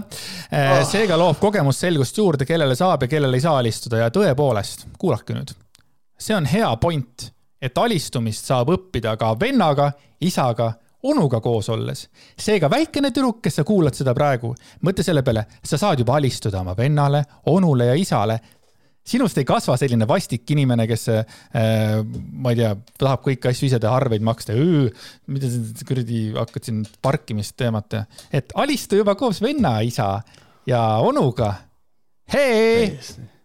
väga hea väga hea, väga hea. Äh, kasvatame, kasvatame ühiskonnas äh, terveid, äh, iseseisvaid inimesi, absoluutselt sada, sada protsenti. laseme käia. et aitäh, Dali, et sa oled, oled, oled minuga suhelnud läbi story'de. ma olen sellega kursis, ma tänan sind. ma tänan sind, et sa andsid materjali artikliks. ja tahan sulle lihtsalt öelda aitäh aitäh. mina tahan öelda lihtsalt, mõtle natuke, palun, mõtle natukene rohkem, kui sa praegu oled mõelnud, et, et, et siin nagu muud ei ole. ja, ja abs-, ja absoluutselt, mina olen alati valmis, me oleme Andresega mõlemad valmis. Sa võid kutsuda meid külla oma mõnda saatesse, me võime rääkida sinuga otse ka, kui sa, kui sa tahad. oleme olemas, sul on lihtsalt see probleem, et sa ei saa ära kustutada neid kommentaare, mis me sulle saates teeme. aga, aga, ja ma luban, et ma olen rahulik minu arust mul on väga viisakad, minu arust mul on alati väga viisakad suhted, me oleme siin hullud lõvid, oleme siin ekraani taga, aga tegelikult me ja. oleme väga õrnad äh,. tegelikult me alistume, kui me, kui meid kustutatakse külla, me ainult alistume kogu aeg. me oleme õrnad, äh, heasüdamlikud äh, oh. ei, aga tegelikult me oleme, siin lihtsalt on, ma tahan lihtsalt veel korra, siin lihtsalt oli nii palju rumalust ja ma tahan, et Tali loeks uuesti Eesti Ekspressi artikli üle. uhuu, ekspert Andres Jääger, lahkumineku ekspert oskab raha teha, alistu vaid kolmekümne euro eest. loe see uuesti läbi, vaatame siis üle, kas, mis, kus ja kuidas, võta emotsioon välja ja loe, kuidas mina seda asja näen mm. -hmm mitte see, kuidas Laura Toil on kirjutanud, ma ei kommenteerinud Laura Toili väike sisekaemus, et äkki ma olen halvasti oma teksti edasi andnud või, või noh, midagi sellist. aga kurat, perse, äh, jube pikalt oli karatist räägitud. Äh, liigume edasi räägime natuke lõbusamatel teemadel ka, nagu näiteks. William Koval, tuntud kui Eesti Vabariigi üks ähm, kõige julgemaid seemendajaid positiivne, äh, positiivne eeskuju. Äh, positiivne eeskuju, absoluutselt. ta läks surmaretkele Viljandi äh, sellele järveringile. ta sõi, ta kõndis söömata, fucking mingi, ma ei mäleta, kümme või seitse või mingit sellise uskumatut päeva, ta küll käis kodus magamas ja, ja ta ei söönud, aga see ei ole oluline. ta on lahe. oli kaheteistkümnes september, kui Kovali, Kovali Villi otsustas minna Facebooki ja kirjutada julge postituse. ja kui ma ütlen julge postitus, tegelikult ka julge postitus. Twitter juba elas sellest äh, kahisest, paljud teist teavad ilmselt, millest me räägime, aga postitus on selline. mul on tuhandeid aastaid olnud üks unistus või fantaasia, mida mul pole siiani õnnestunud teoks teha ja kuna ma hetkel järjest viin oma unistusi täide, nagu hiljuti neli kilomeetri, nelja kilomeetri kõrguselt lennukist alla hüppamine, siis viin kindlasti ka selle kusjuures mul on neliteist miljonit aastat olnud äh, üks soov. Äh, jah, noh, mul ei ole nii pikad, ma tavaliselt, mul, vot mul lähevad meelest ära, mul nii pikk ei ole. kolmesaja aastane selline tsükkel, et siis ununeb ära. just. see, see öeldud, siis olen märganud viimasel ajal küsimise jõudu. Niipea kui taotluse välja viskan, tuleb kohe ka vastus. nagu öeldakse, küsi ja sulle antakse. mulle meeldib see suhtumine. Äh, ja, ma olen, ma olen, ma olen nõus, äh, kui sa ei küsi, siis sa ei saa. Mhm, see on kindel. see, et ma sellise pöörase taotluse nii avalikult teen, ajab enamus inimesed tõenäoliselt naerma, paljud kortsutavad kulmu ja osad on imestunud või šokeeritud.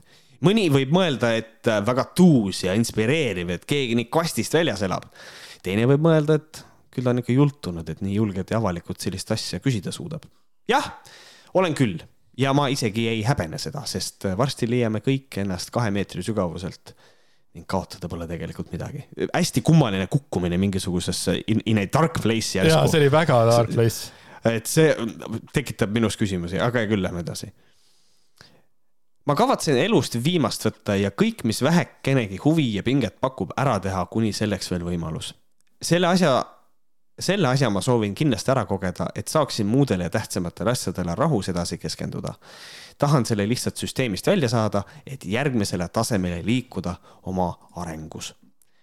nüüd äh, ma siinkohal kõigepealt ütlen midagi natukene tõsist. on see, et äh, mul tekib seda lugedes üks küsimus, vaata nagu see oli see Dark Place, kes korra ära, kui ma seda enne, enne salvestust ka sirvisin seda, et siis mul oli nagu see, et ta ütleb, et ähm, ma, et ta soovib selle asja ära kogeda ähm,. ma kavatsen elust võtta kõik, mis vähekenegi huvi ja pinget pakub, kuni selleks on veel võimalus. siin on hästi veider, aga siit nagu kumaks justkui nagu läbi see, nagu Williamil oleks mingisugune haigus ma ei ütle, et see on nii, aga see, aga kuidagi seda lugedes mulle jääb mulje, et huvitav, kas tal on mingi asi, mis sunnib teda tegema pööraseid asju, kogema pööraseid asju, niikaua, kuni tal on veel võimalus. et ähm, seda nagu seda teksti lugedes mul, mul turgatas see mõte nagu kohe pähe, et huvitav nagu see sõnakasutus ja kõik see, et, et ähm,, et noh, lihtsalt väikene sihuke kõrval, ma, ma sügavalt loodan, et nagu mitte, sest et mida kauem me saame William Kovali pööraseid postitusi, seda toredam on kõigil ahoi, rahvas. ahoi, aga nimelt selle unistuse teoks tegemiseks otsin vähemalt kahte julget, atraktiivset, üleannetut, vallatut naist. ideaalne oleks, kui need naised oleks omavahel sõbrannad või tuttavad, sest see teeb asja lihtsamaks kõigi jaoks. Neil naistel on võimalus kuni elu lõpuni mu südamesse ja mõtetesse väga eriline koht soetada. Veider on öelda soetada, sest et see tähendab ostmist. aga noh, võttes arvesse, mida ta tahab, siis maybe enamus inimesed praeguseks tõenäoliselt said juba aru, kuhu ma tüürin oma jutuga, aga võib-olla ei suuda veel seda lihtsalt uskuda, seega kirjutan ikka lõpuni. ja nüüd tuleb fucking bombshell. unistuseks on siis seksida samaaegselt mitme vallatu naisega. täpsemalt, kuidas see välja võiks näha, ma siin pigem rääkima ei hakkaks, aga mida julgemad ja ägedamad naised, seda parem. kui maailmas Oota. leidub ma mm -hmm. tahan nüüd selle ikkagi ära öelda, et kui ennem Villem ütles kaks-kolm veeru tagasi, et tahan selle lihtsalt süsteemist välja saada, järgmisele tasemele liikuda oma arengus, siis järgmine tase tema arengus on keppida vähemalt kahte naist. jaa, I said it, te arvate, et ma olen mhm. ropp, aga see point on selles, ta tahab keppida vähemalt kahte naist, see on väga lahe, aga mulle lihtsalt meeldib, kuidas see järgmine, järgmine tase, tase, see on järgmine tase tema arengus, see on cool. aga cool. teate kui see, kui, kui ta saavutab selles järgmise taseme, more power to you, my dude. Ehm, kui maailmas leidub selliseid heas mõttes hulle ja seiklushimulisi ning spontaanseid naisi, siis kirjutage mulle, see jääb meievaheliseks saladuseks. veedame ühe üliägeda, meeldiva, kirgliku ja lõbusa ööpäeva koos. mul tegelikult bronib kakskümmend neli tundi ära nagu selles, selles mõttes on see vägev ähm,. Lähme näiteks tantsima, sööma, spaasse, hotelli, teeme midagi pöörast ja loome endale mälestuse, mis jääb meile alatiseks meelde kui soovid mu pöörase unistuse täitumisele kaasa aidata, siis jaga kindlasti postitust ja jäta ka oma vaimukad mõtted kommentaaridesse. aitäh sulle ähm,. ta tahab ikkagi nagu veeta nagu ikkagi siukest täisväärtuslikku päeva, mis on iseenesest väga-väga armas. ja, ja siin noh, inimesed natukene naersid selle postituse peale ja kõike seda. väga julge postitus ja ma ütlen ausalt ma kiidan selle postituse sada protsenti üdini heaks. et nagu jumala eest, pane hullu, mees. nagu väga lahe. lihtsalt ma ei saa jätta kommenteerimata, et mõtleme nüüd natukene selle karakteri nagu selle character arc'i peale, nagu see lugu. William Koval, suur vabadusvõitleja mm. -hmm. koos teeme maailma paremaks mm. -hmm. maskid, koroonaviiruse, koroonatürannia, võitleme vabaduse eest. Äh, kõik see kaks aastat hiljem seesama mees teeb postituse, ma tahan seksida kahe naisega korraga. et nagu lihtsalt, et nagu kuhu on nagu, kuhu on areng nagu jõudnud, et nagu oli suur vabadusvõitleja, now I just wanna fuck bitches, et nagu see on sihuke jällegi tore, võib-olla rahuneb maha, võib-olla tegelikult ongi hea, võib-olla magab kahe naisega ja siis nagu kuidagi tõmbab nagu rahulikuks ära. et selles mõttes äh, mina, mina kiidan heaks ja ma olen enam kui kindel et, äh, et see unistus Kovalil, kui veel ei ole täidetud, siis kindlasti on äh, varsti. Neid, siukseid naisi tal on seal äh, küll, kes on nõus, raudselt ja Sirje Virkus kirjutas kommentaari, et vanasti olid sellisteks unistuste täitmiseks liitsimajad et. ja, aga, aga siin ongi naljakas on see, et noh, William ei otsi nagu prostituuti et selles mõttes ta otsib ikkagi inimest, kes siiralt tahab seda ja, teha. ei, aga siin ongi, aga siin ongi nagu soovitused näiteks, et soovitan soojalt iha.ee-d ja selliseid asju, et inimesed mm -hmm. nagu mõtlevad kaasa temaga selles mõttes. ja, jah, jah. et äh, ei ähm,, aitäh sulle, Villu jälle, et sa ennast nii vahvasti nagu eksponeerid äh, meile kõigile oma mõtetega, su mõtted on cool'id. jah, et aga nagu naljakas on see, et nagu see, see tema teatav selline eneseotsing ja kõik see, et see on selline mm, väga põnev asi, mida nagu jälgida, et mis on need asjad, mida ta nagu peab nagu tähtsaks, on kuskilt äh, lennukist alla hüppamine, Viljandi järve ümber käimine ilma söömata ja seks kahe naisega korraga, et äh, siuksed noh, et nagu lõppude lõpuks ikkagi me oleme nüüd jõudnud nagu nende väga lihtsate asjadeni ja see mulle meeldib. Ja äh, lihtsatest asjast räägime ka edaspidi meie järgmises vahvas teemas sest et kui te kuulete sõna sekt, siis kelle peale te mõtlete? kelle peale sina mõtled, kui sa kuuled sõna sekt äh,? Jared Leto. Davai, mina mõtlesin William Koval, sellepärast et William Koval üritas kunagi sekti teha, eh, kui ta malemängureid ja tahtis riiki kukutada või midagi sinnakanti, et see ei olnud tema see lause. jah, metsalaagrid ja kõik. metsalaagrid aga nüüd tahab seksida kahe naisega türa küll, ma räägin, see areng on nii lahe kuhu me jõudnud oleme? mäletad, kui ta, seal oli veel see postitus ka, kus ta kutsus neid metsalaagrites ja siis olid kaasa võtta uju, ujumispüksid yeah,. sööme, tapame karusid, kuradi teeme lõket, aga ujumispüksid võta kaasa. tegelikult pärast tuleb välja, et see on olnud kogu aeg tema end goal. ta on kogu aeg kutsunud, et et saaks seksida kahe naisega ja siis ta on üritanud igast, teeme kuradi neid äh, telklaagreid, teeme Extreme meestekas oli tal ka vaata. oligi see Extreme meestekas. ja siis on nagu see, et perse, äkki ma lihtsalt küsin äkki naised tahavad. ma pakkusin oma, oma spermat neile. aga, aga need olid, naised olid kõik üksi.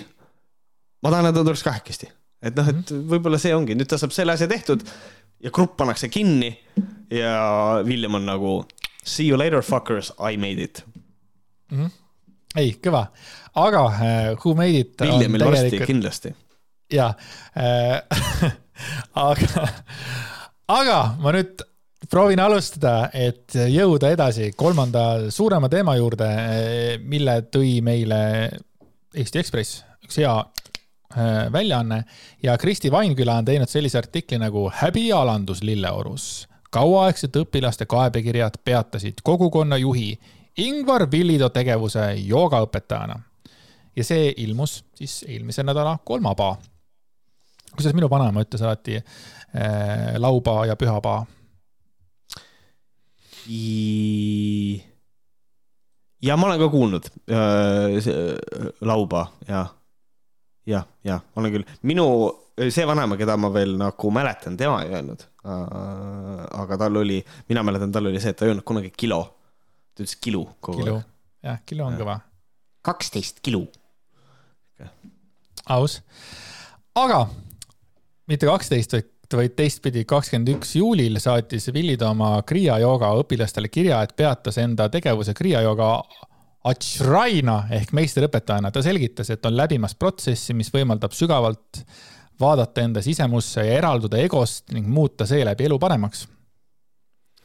tegeliku põhjuse Villidale sügavalt enda sisse vaatamiseks andsid kaebekirjad, mis tema õpilased saatsid kevadel Kanadasse rahvusvahelisele Babaji Kriia jooga õpetajate ühenduse Kriia jooga keskuse eestseisjale Marshall Govindanile vaimse nimega Sachitanadardant oota.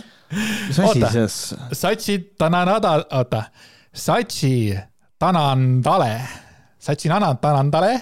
Sachi Sachi, Sachi Tanandale. Sachi, Sachi Tanandale. Sach, Sach Tanandi. Sach Tanandari. ei, see on äh, cool, meie eestlaste jaoks on sellised äh, nimed äh, rasked. mulle meeldivad sõnad Rein Uno. Rein, Andres ja. Ave. Illimar näiteks. see on äh, minu level ka. ja Vambola. see läheb juba raskemaks tegelikult. tõmba tagasi sinna Illimari juurde. kahe tuhande seitsmendal aastal püüdis Govindan Villido Kriia jooga Archarajaks ehk meisterõpetajaks, ma tahtsingi öelda meisterõpetajaks. Äh, sellega seoses sai Villidoga endale vaimse nime, kuul nüüd, Ishvarananda Ishvarananda, ma ei, mulle meeldib see, et nagu selles artiklis on lihtsalt, kui sa seda valjult loed, siis suu vesib ära. ja, ja siis äh, Villido on kirjutanud enda kodulehele, et olen üks vähedest ashraiadest maailmas, kellel on õigus edasi anda kõikide astmete pühendusi, mis on kõva. ja ta on e-, Eestis ainu, ainukene, kes selline tiitliga on ja siis ongi küsimus, mis juhtus, et tegelikult see pausile on pandud. ja siis hakkasid siin, hakkasid inimesed rääkima, mis nagu tegelikult toimus. ja Eire, kes äh, kakskümmend viis aastat tagasi, samal ajal kui mus, kusjuures, kui äh, Karilaid Keskerakonna läks, Keskerakonda läks, läks Eire Villido juurde, ma ei tea, kumb tegi õige, kumb tegi vale valiku. mõlemad lahkusid praegu huvitav, mida täheseisu teile ütleks, Margit Korbe, Tšeki Beati, Eire ja Jaanus Karilaid. mis toimub? järjest rohkem tuli sisse õpetaja kummardamist, tema ees lipitsemist ja siis olid ka olemas praktikad, kus härra Villida pakkus, et täna õhtul iga õpilane rääkigu, kuidas ta mind armastab. see on, see on, vot see on kõva, see on lahe, see on see, mida tegelikult mina tahaksin. ma tahaksin omada sellist sekti, kus mul on terve hunnik inimesi ja mina ütlen neile nii. täna me teeme sellise praktika, et te räägite mulle, kuidas te mind armastate. ja siis ma saan selle tohutu armastuse, millega edasi minna, sest ma olen ikkagi eriti see kuradi suur, eriti on selle juures tore see, et see jultumus nimetada seda praktikaks. seda, see tänane praktika on see, te räägite, kuidas te mind armastate. just, aga minu arvates see on nagu tegelikult aus. Et Või me kõik nagu vajaksime, ei, me kõik vajaksime vahepeal, et kõik inimesed, keda me tunneme, räägiksid, miks nad meid armastavad, mis on meis head, näiteks. no me saame teha seminari, kolmkümmend euri on sissepääs ja teeme ära teeme ära jah, ma ei tea, kus, mis aparaadiost saanud on, selles mõttes see oli meie ainukene võimalus seminari teha tegelikult. et äh, aparaadio ehk siis pigem, podcast'i üritus. pigem nagu G-raadio. G-raadio, nagu tegelikult ka, see oli see võimalus, kus oli tunda armastatuna ennast, minu ainus võimalus. Tuleb vaadata enda sisse, mis tegelikult mul viga on. aga äh, nüüd on, läks probleemiks, läks sellepärast, et äh, Eire jaoks äh, sai otsustavaks Villida mullu ilmunud ingliskeelne raamat, mida turundati kui unikaalset õpetust. Eire kirjutas sellest ka Lilleoru turundusjuhile Aigi Vahingule. Ingvar ei tohiks oma õpetust emotsioonide vabastamisest turundada kui ainus esimene. Sellepärast, et noh, seda oli keegi teine juba varem teinud, eks ole mm. -hmm. ja mis tegi Ingvar? Ingvar karistas Eiret sellise kriitika eest retriidi osalemise keeluga, mis on rets. karm ja siis äh, Eire ütleb, et see oli viimane piisk, kaotasin täielikult usalduse Lilleoru süsteemi vastu ja lõpetasin Ingvari õpilasena. siit paistab minu jaoks välja seda, et see oli tõesti nagu see viimane piisk, et sorry, aga mulle tundub see praegu nagu maailma kõige väiksem probleem, et ta ei saa äh, olla sellises, äh, sellisel retriidil. et ta ei saa olla retriidil, et see on nagu see piisk, miks nagu äh, tuleb sealt siis nagu välja astuda, et äh, ma ei tea, mulle tundub see nagu selline veider põhjus veits mm. -hmm. aga mis siis juhtus? Juhtus see, et äh, siis, kui kaheksateist märts sellel aastal toimus äh, igakuine õpilaste praktika Lilleorus, siis võttis Ingvar Villido saja seitsmekümne inimese ees Eire teema ülesse. Eiret sel koosolekul polnud, Villido klatšis teda koos õpilastega, muuhulgas ka eraelulistel teemadel. ma tunnistan ausalt, mul on probleem sõnaga klatšima. miks? tead, miks või? ütle mulle, mis asi on klatšimine?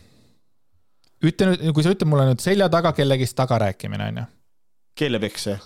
keelepeks, aga ja. kui me arutame millegi üle, kui ma arutan mis iganes asja üle, kas see on siis nagu äh,, kas see on siis klatš või? ma mäletan, miks mind nagu eriti, oota, miks mind nagu eriti nagu vihastab, see on, et see oli äh,, tegin Erilasepesa podcast'i ja siis ma rääkisin enda kaks tuhat viisteist võistlusest äkki või. ja siis ma arutlesin seal äh, Postimehes art, ilmunud artikli üle, kus Marko Tasane, kes muidu osales seal samamoodi, mingil põhjusel Imre Vähi oli ta sinna jah, sa oled rääkinud seda, jah ja.. ja siis tema nagu kuulis seda erilasepesa osa ja ma olin nagu rääkinud sellest, noh, sellest võistlusest ja siis oma tunnetest Marko Tasase nagu selle seal osalemise suhtes ja nii edasi.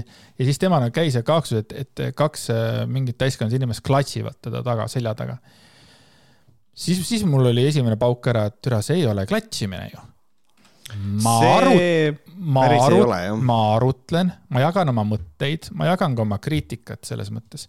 et äh, selja taga keelepeks, et kus, kust algab keelepeks ja kus äh,, ei, kus lõpeb keelepeks ja algab äh, arutlemine näiteks Võhkarites no vaata, siin ongi need keelepeks ja igaks juhuks kontrollisin ka seletavas sõnaraamatus, keelepeks ja tagarääkimine, et mulle teadaolevalt peaks olema äh, äh, ikkagi mitteavalik tegevus, et noh, selles mõttes noh, küsimus on see, mis asi on avalik ja mis asi ei ole, et nagu selles mõttes antud kontekstis, kui me räägime siin Villido saja, sada seitsekümmend inimest, siis noh, see ei ole nagu aval-, nagu Marko Tasane sai kuulata teie saadet. seega, kas see on päriselt nagu tagarääkimine, not really, aga nagu see Villido näide, mina leian, et see on, see, see on nagu kas Ingvaril, okei okay,, kas Ingvaril ei ole siis õigust äh, rääkida sellest, äh, kuidas tema tundis või, või, või mis, mida siis ütleme, Eire tegi tema arvates? kas ta ei või seda jagada oma äh, siis nende õpilastega, nagu päriselt ka ehm, ei või või? kindlasti võib, aga, aga siin on ähm, klassis koos õpilastega muuhulgas ka eraelulistel teemadel, et kui nagu kui me räägime eraelulistel teemadel, siis võib nagu ma tahaks näha seda, mida ta rääkis, et nagu selles mõttes, kui ta lahkas tema mingisugust eraelu, siis ma olen äh, selle sõnaga klatš väga nõus. et kuna see kõik salvestati, polnud võimalik toimunut eitada, seega sul suure tõenäosusega on võimalik seda kuskilt järgi vaadata, aga siis tuleb äh, helistada, kirjutada inimestele, kes seda omavad, mida meil ei ole nii et sinu siis nagu loogika on see, et kui räägitakse inimestest, nende tegudest, nende mõtetest avalikult siis see ei ole klatšimine. aga kui mina ja sina räägime praegu äh, näiteks Dali ja Karati teemadel omavahel ja puudutame ka tema eraelulisi teemasid, siis see on klatšimine või? väga veider. no aga Mine... ei ole ju klatšimine. me ju ei klatši, me ju teeme avalikult seda. ei, aga kui me teeksime praegu, paneksime kinni selle ja siis räägime omavahel lihtsalt, kas siis on klatš või mm.? ma kurat ei taha üldse sellega nõus olla. ma mõnes mõttes nagu leiaks, et et nagu võib-olla küll jah, ma küll nagu tagarääkimise ja kõige selle suhtes äh, minu, minu jaoks tagarääkimine on ka väga negatiivse, võib-olla ei nimetaks jah, sest et tegelikult nagu minu jaoks tagarääkimine on ka väga negatiivne, äh, annab hästi palju negatiivseid hinnanguid. et noh, tegelikult mina leian, et tagarääkimine ja klatšimine peaks olema negatiivse mainekujunduse tegevus tegelikult.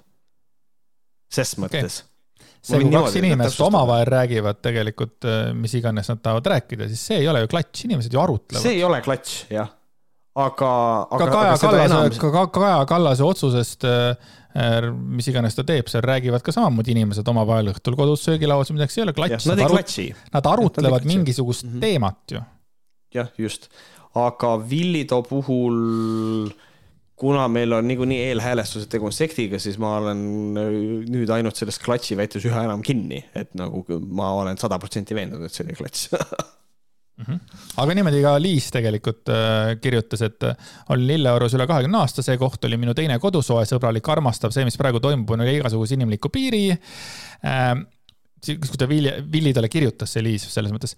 minu kõige mhm. kallim punkt, punkt, punkt, kes on toonud Lilleorgu õpilased, lüüakse õpilaste praktika ajal risti sõna otseses mõttes. inimesed kuulavad, naeravad ja mõnitavad oma raha eest ühte endist õpilast, kes lihtsalt teeb oma tööd ausalt ja siiralt. kadedus, hirm, valu ja alandus ja sellele kõigele ässitab meie oma õpetaja ja veel siin on nii palju Eire endisi õpilasi ja mitte keegi ei astunud tema kaitseks välja.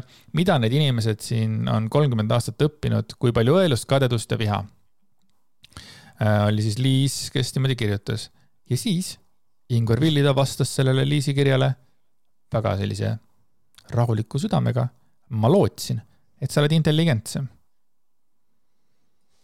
aus huvitav, kas see nagu ai-, kogu vastus või? Nagu, sest et see on sellisel juhul ikkagi jah, et ma olen piisavalt palju vaadanud kuradi dokfilme sektidest ja asjadest, et see on ikkagi nagu väga, et see on, see on tegelikult nagu väga kõrge tasemega gaasi keeramine nagu gaslighting, et nagu see on see, et sa käid kõik oma mured välja, seletad, mis su probleem on ja su vastus on see, et noh, ma lootsin, et sa oled intelligentsem ja siis sa hakkad nagu kahtlema nagu omaenda mõistuses, et oot-oot-oot mulle vastatakse ainult niimoodi, et kas tõesti nagu, et see on sihuke, see on ikka päris räme tegelikult. okei okay,, sa, sa näed seda asja niimoodi, et noh, ma mõtlesin, et just oli siukene, et noh, sihuke rahulik mees, ta luges selle läbi ära. hoopis kirjutab, ma lootsin, et sa oled intelligentsem ja läks oma eluga edasi vaata, ta oli nagu lühikese jutumees, nagu näiteks Märt Koik. noh, et mina kirjutan sellise teksti mingisugune kaheksa rida, võib-olla kolmteist. ja Märt kirjutab mulle, et ma lootsin, et sa oled intelligentsem. see on sihuke klassikaline Märdi vastus selles mõttes, et see, see ei ole see sekt, ei ole see sektiga tegevust, tege-, tegemist, et see, mis toimub tegelikult sinu striimides kolmapäeviti, laupäeviti, iga kolmapäev, iga laupäev. Ähm, Märt äh, Koik äh, Youtube'is, siis äh, tegelikult on mingisuguseid sarnasusi seal on äh,, ma just mõtlesin selle peale, et ma peaks ühel hetkel, kui meil on äh, võimalus, siis ma kirjutan sulle vastu äh,. näiteks ma lasen sul pakkuda saatele pealkirjasid ja siis ma lihtsalt vastan sulle. ma lootsin, et sa oled intelligentsem. noh, tead ma võtaks ka selle rõõmuga vastu, oleksin õnnelik, et ma ei saanud like'i või lihtsalt nähtud. jah, aga igatahes äh, kogu see pull jõudis äh, Marshall Govindani kõrvu ja äh, Kovindan palus, et kõigil, kellel on natukene Ingvari kohta veel mingit informatsiooni ja mingisugust hädakisa, ehk siis tegelikult tema tegevuse suhtes pretensioone, saadaksid ametlikud kirjad Ordule, seal on Ordu. ja siis Kovindan lisas, et paljud, kes on Lilleorust lahkunud, käivad ühe sita ei, ma ei saanud teistmoodi seda hääldada. Sitha, sitha oota, käivad ühe sita meditsiinidoktor This is all a very elaborate joke. Kogu see lugu, mis me oleme siiamaani rääkinud, oli lihtsalt Andrease hästi pikk build-up, et teha sitanali ma ei tee, teen nalja, selle koha nimi on S I D D H ja A ja siis on meditsiinidoktori juures see on sita meditsiinidoktori juures ravil nii. käid sita, käid sita meditsiinidoktori juures ravil, maybe that's your problem. võis olla küll. igatahes tema sõnul on Ingvari tegevus täiesti lubamatu. Äh, tema esivanemate liini pärandi ja joogamaine kahjustamine, kui see ei lõppa, lõppe, lubas ühendust võtta India valitsusega. ja siis ma sain aru, et nad on kõik lolliks läinud, päriselt ka. Nagu Covindan äh, samamoodi, see ei ole nagu normaalne, aga noh, samas kui sa oled kuskil mingisuguse, no okei okay,, vaata ongi, mina näen seda kõrvalseisja pilguga, minu jaoks tundub see kogu see noh, see, see meditsiin, kogu see sekt, kogu see usk, kõik see tundub minu jaoks nagu veider, onju, aga kui inimene ütleb mm, -hmm. et, et täiesti lubamatu tema esivanemate liini pärandi ja jooga esivanemate mm -hmm. liini pärandi kahjustamine, mida pitt nagu ilma naljata. ja siis, kui see ei lõppe, ma võtan ühendust India valitsusega. saad aru, Eestis ei suudeta uhhuudele nagu mitte, mitte, mitte ravimiametid, mitte terviseamet, kõik nothing. uhhuud teevad kõik, mida tahavad, müüvad, mida tahavad, räägivad, mida tahavad, koolitavad, mida tahavad, kõike. seal võetakse valitsusega ühendust Ingvar Villida päris, pärast. jah, mulle tundub, et kõik on seal lolliks läinud. AK kellel on üheksa, äh, tulevad uudised, India valitsus on, äh, on, on tagajalgadel. Ingar Villid on mingisugune kuradi India rahvuslik mingi probleem. see oleks väga tore. jah, sellepärast, et siit igatahes äh, nii palju, kui me teame, et see ei ole ainult äh, Eire või Liisi, oli Eire vist, jah, Eire ja Liisi probleem, vaid viisteist inimest, neliteist kuni viisteist inimest kirjutasid tegelikult Covindanile ja rääkisid siis kõik, mis kolmekümne aasta jooksul on toimunud ja. jah, mingid siuksed äh, karmimad asjad, äh, näiteks siin on, haakub tänase saatega väga. näiteks kästi õpilastel pikali heita, siis kuhjati tema peale kakskümmend kuni kolmkümmend inimest. see põhjustas intensiivse füüsilise valu, lämbumise tunde ja piina. eesmärk oli ego lahti lasta ja saavutada täielik alistumine. hmm.? kurat, siin on võib-olla rääkida kellegagi me jõuame alistumiseni igatpidi. aga jaa, see on selles mõttes äh,, kujuta nagu ette nagu päriselt ka, et, et ego, see põhjustades intensiivse füüsilise valu, lämbumise, tunde ja piina. et tema ego lahti lasta ja täiesti, see on, see on veits nagu Fight Club onju, aga. tundub pigem nagu Boring Club ei no see on see, et äh, täielik alistamine, et mul tulles õige tsitaat praegu meelde, mingi perfectionistide töö, aga siis see on, noh, tead, lähme edasi äh,. veel ühe äärmusliku näitena tuuakse, et üks õpilane pandi kõrge posti otsa ja kõik teised loopisid teda ükshaaval mudaga. mis on nagu tegelikult viisakas, et mitte ük-, mitte kõik korraga vaata, vaid ikkagi ükshaaval. inimene jäi posti otsa tundideks mudaga kaetud, nagu täiesti putsis, nagu täiesti putsis ja mulle meeldis nagu see ka, et äh, Ingvar Villitöö kutsuti ju Ringvaatesse, kus kohas ta siis rääkis nendest asjadest ja siis oli ka nagu, ma vaatasin seda ja ma sain nagu aru sellest, et tegelikult ta võib täiesti vabalt olla, täiesti vabalt sektijuht. ta väga karismaatiline, ta väga hästi oskab rääkida. ja siis oli ka, mulle meeldis, et need nii-öelda nagu need vabandused seal posti otsa ka, ta millegipärast hästi palju rõhus seda, et see oli väga kaua aega tagasi et äh, tekib ka küsimus, et äh, nii, et miks siis on, teid süüdistatakse sellest, et te peksite kolm inimest kirkaga surnuks, et, et miks te siis niimoodi oli? no ma kõigepealt tuletaks inimestele meelde, et see oli kakskümmend aastat tagasi. siis me nagu üritasimegi leida mingisuguseid võimalusi, et mingeid häid praktikaid. tahtsime aga, lahti lasta. aga niimoodi need praktikad selles mõttes tulevad. aga. see on ikka veider jah. minul on isiklikult üks sõber, kelle naine on Ingvar Villido sektis aga ta ei ole nagu selles mõttes sektis, et ta nagu elaks seal või ma ei tea, kas, kas seal nagu elatakse ka või, aa elatakse küll jah, perekondadega elatakse ka mm, -hmm. vaid tema nagu käib seal, seal vahvas kohas ja on nagu, ma võin tsiteerida, et on tonnide viisi raha sinna viinud. kurb. vot, aga tal siiski on olemas veel kontakt välismaailmaga, selles mõttes on kõik hästi. selles mõttes on kõik hästi, jah äh,. ah, ja siis, mis äh, mina kuulasin Intekas seda ka, see on see jalapesuvee asi, et kantakse ette ka seda, et villid on lubanud inimestel rituaali käigus oma jalapesuvett juua. ja siis, et ühesõnaga äh, siis ta seletas, kuidas see rituaal välja näeb, et tegelikult see mingi jalg, esmalt need jalad on tegelikult pestud ja puhtad ja siis on nagu see, et äh, jalgade peale hõõrutakse mingit mett ja ma ei tea, suhkrut ja mida iganes ja siis seda vett võib, et äh, võib endale panna näpuotsaga ja tilgutada pealae peale ja kõike seda. ja siis ma nagu mõtlesin selle peale, et noh, tegelikult see on, see on selline manipulatsioonitaktika võib-olla, mida ka kasutatakse sellises olukorras. et sa võtad mingisuguse rituaali, mis on päriselt olemas nii-öelda, noh näiteks ja seesama, mida ta kirjeldas. ja siis oma sektis, mida sa teed, on see, et sa muudad seda rituaali niimoodi, et jooge seda vett. ja siis, kui keegi küsib siis ta kirjeldab sulle seda rituaali sellisena, nagu see nii-öelda kirjade järgi on. et tegelikult see on niimoodi. ja osad inimesed tilgutasid endale vett pähe ja siis sa nagu, tekib nii-öelda see plausible deniability, mis on nagu see, et ei, aga kellegi käest küsida, ta siiralt ütleb, ei, me tilgutasime seda vett endale pähe. aga mõnedele on öeldud, et noh, et joo et nagu see ja mulle meeldib see ka, et tema argument nagu sellest oli ringvaates, et noh, et jalad olid pestud. psühholoogiliselt on seal ikkagi see, et keegi joob vett, mis on sinu jalapesuvesi. et kas sa tahad mulle öelda seda, et kui ma pesen ära oma, oma riista näiteks, täiesti, ma pesen oma riista nii puhtaks, et ma võin kanda rinnasilti, minu munn on puhas. ja siis ma panen selle vee, võtan klaasitäie puhast vett ja korra torkan oma riista sinna vee sisse, kas see siis on nagu see, et kas ma siis ka saan seda argumenti öelda, et nüüd joo see klaas ära, et tegelikult mul oli, mul oli riist puhas. noh, asi on psühholoogiline ju, noh. et A äh, ma ei tea aga Villi ta ise ütleb selle kohta, et nimetatud traditsiooni ei järgita enam Lilleorus ja varem oli see tavaline ainult kord aastas Indiast pärineva püha tähistamisel, mida selliselt tähistatakse.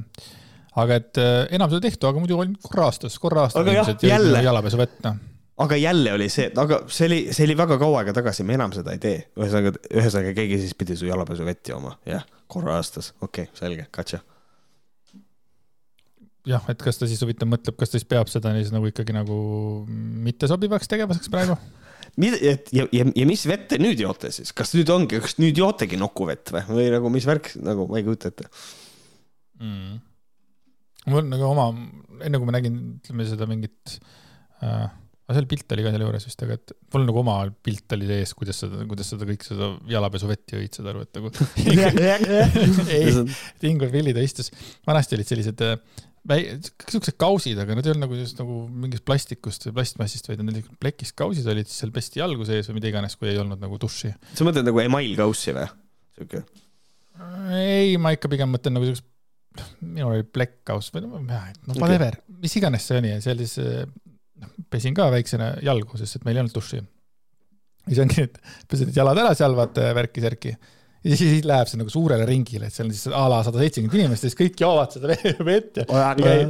et äh, mina nagu kujutasin seda asja, seda asja niimoodi. ei aja maha raisk ja siis, ja siis, ja siis rikkus nagu kõik ära see, et oo, me panime mu jala peale mett ja suhkrut ja, ja, ja, ja kadakaõisi ja kuradi, ma ei tea, mida iganes ja siis jalad olid puhtaks. mulle ikka meeldib see enda versioon rohkem, et kõik lihtsalt lasid seda kas ma kõrrega võin juua? ei, seda seebi. posti otsa perse raisk seda seebi, seebiga pestud äh, jalavett, mis on värskelt kündnud mullavagusid näiteks. jah äh,, aga tsiteerides oma poega, kes vannis käies maitseb äh, omaenda pesuvett, mämm-mämm noh, selles mõttes, et ta, midagi selles on midagi on jah.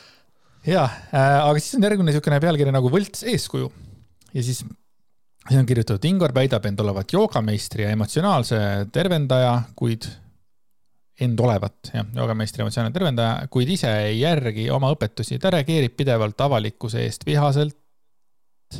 Ta on ahelsuitsetaja, sööb liha ja joob alkoholi, kuigi Kriya jooga Acharya lubaduse alusel ei ole see lubatud, ta solvab inimesi, lobiseb inimestest, ta halvustab ja ähvardab inimesi, ta varastab teiste inimeste töö ja teeb selle enda omaks, ta kuulutab äh, valeennustusi ning ihkab kuulsust ja rikkust. ta tahtis saada Ameerikas enim müüdud kirjanikuks nii väga, et sundis oma õpilasi ühe päevaga nii palju raamatut ostma, et see tegi selles kunstnikult bestselleri. inimesed kulutasid raha, et oma õpetajale meelepärane olla. minul on veel olulisem küsimus kui vähe on vaja, et raamatut ostetakse, et ta jõuaks Amazoni või Ameerika enim müüdud kirjanike või sinna kasvõi kunstlikult korraks bestselleriks. nagu päriselt ka, ta, see, seal, seal oli ju, ta ütles, palju see Villido äh,, issand, ma ei mäleta, mis see number oli, aga see ei olnud nagu nii suur, palju Villido sektis ja seal äh, sektis jutumärkides, Tonsumi. et seal neid inimesi oli, aga, aga ma kujutan ette, et Ameerika bestselleriks isegi kui sa korraga ostad, kui palju inimesi on vaja, neid on vaja, ma ei usu, et sellest on vaja paari tuhandet või, või viite tuhandet. kurat, ma ei tea, vaata, et võib-olla eh, siin ei selgita ka, millist bestsellerit, võib-olla sa suudad isegi niimoodi ennast näiteks nädala bestselleriks võib-olla pressida paari tuhandega. Ameerikas? Ma arvan küll, jah. Ameerikas, kas päriselt ja, ka või? ma, ma arvan, et on võimalik, jah ma ei taha üldse sind uskuda, ma ikka eeldasin Ameerikast. ei no ma selles mõttes panen ka puusalt praegu, aga ma mõtlen just mingisugune nädala lõikes võib-olla just, kui sa tabad õiget timeslot'i, kus ei tule välja mingisugune George R. R. Martini mingi raamat on ju, siis äkki on, on täitsa võimalik. no ma mäletan, kunagi tegi seda Brandes, Brandes sellise Vanilla Ninja äh, mänedžer ostis kokku tohutul hulgal Vanilla Ninja plaate, et see siis figureeriks edetabelis. mul tuli mm -hmm. kohe see meelde, nii et Eh, jaa, aga mis siin veel oli, et ah, et, et ta, et ta sööb liha ja joob alkoholi ja nahel suitsetaja ja tundub mulle selline nagu, ma ei tea nagu, kas see on nagu, kas see on nagu siis nagu teema siis või, või, või mis? No üldiselt nagu mõnes mõttes nagu on, sellepärast et ähm, tihtipeale nagu igast eh, sektide juh-, juhtidel on see probleem, et nad ise ei ela oma teeside järgi. et nagu noh, iseenesest tegelikult, kui sa ikkagi oled ennast niimoodi pühendanud, noh, vaata siin tekib lihtsalt see õpetaja puhtuse küsimus. et kui sa oled, eh, me peame elama nüüd nende, nende reeglite järgi, siis te ise neid ei järgi, siis tekib küsimus terve selle süsteemi kohta.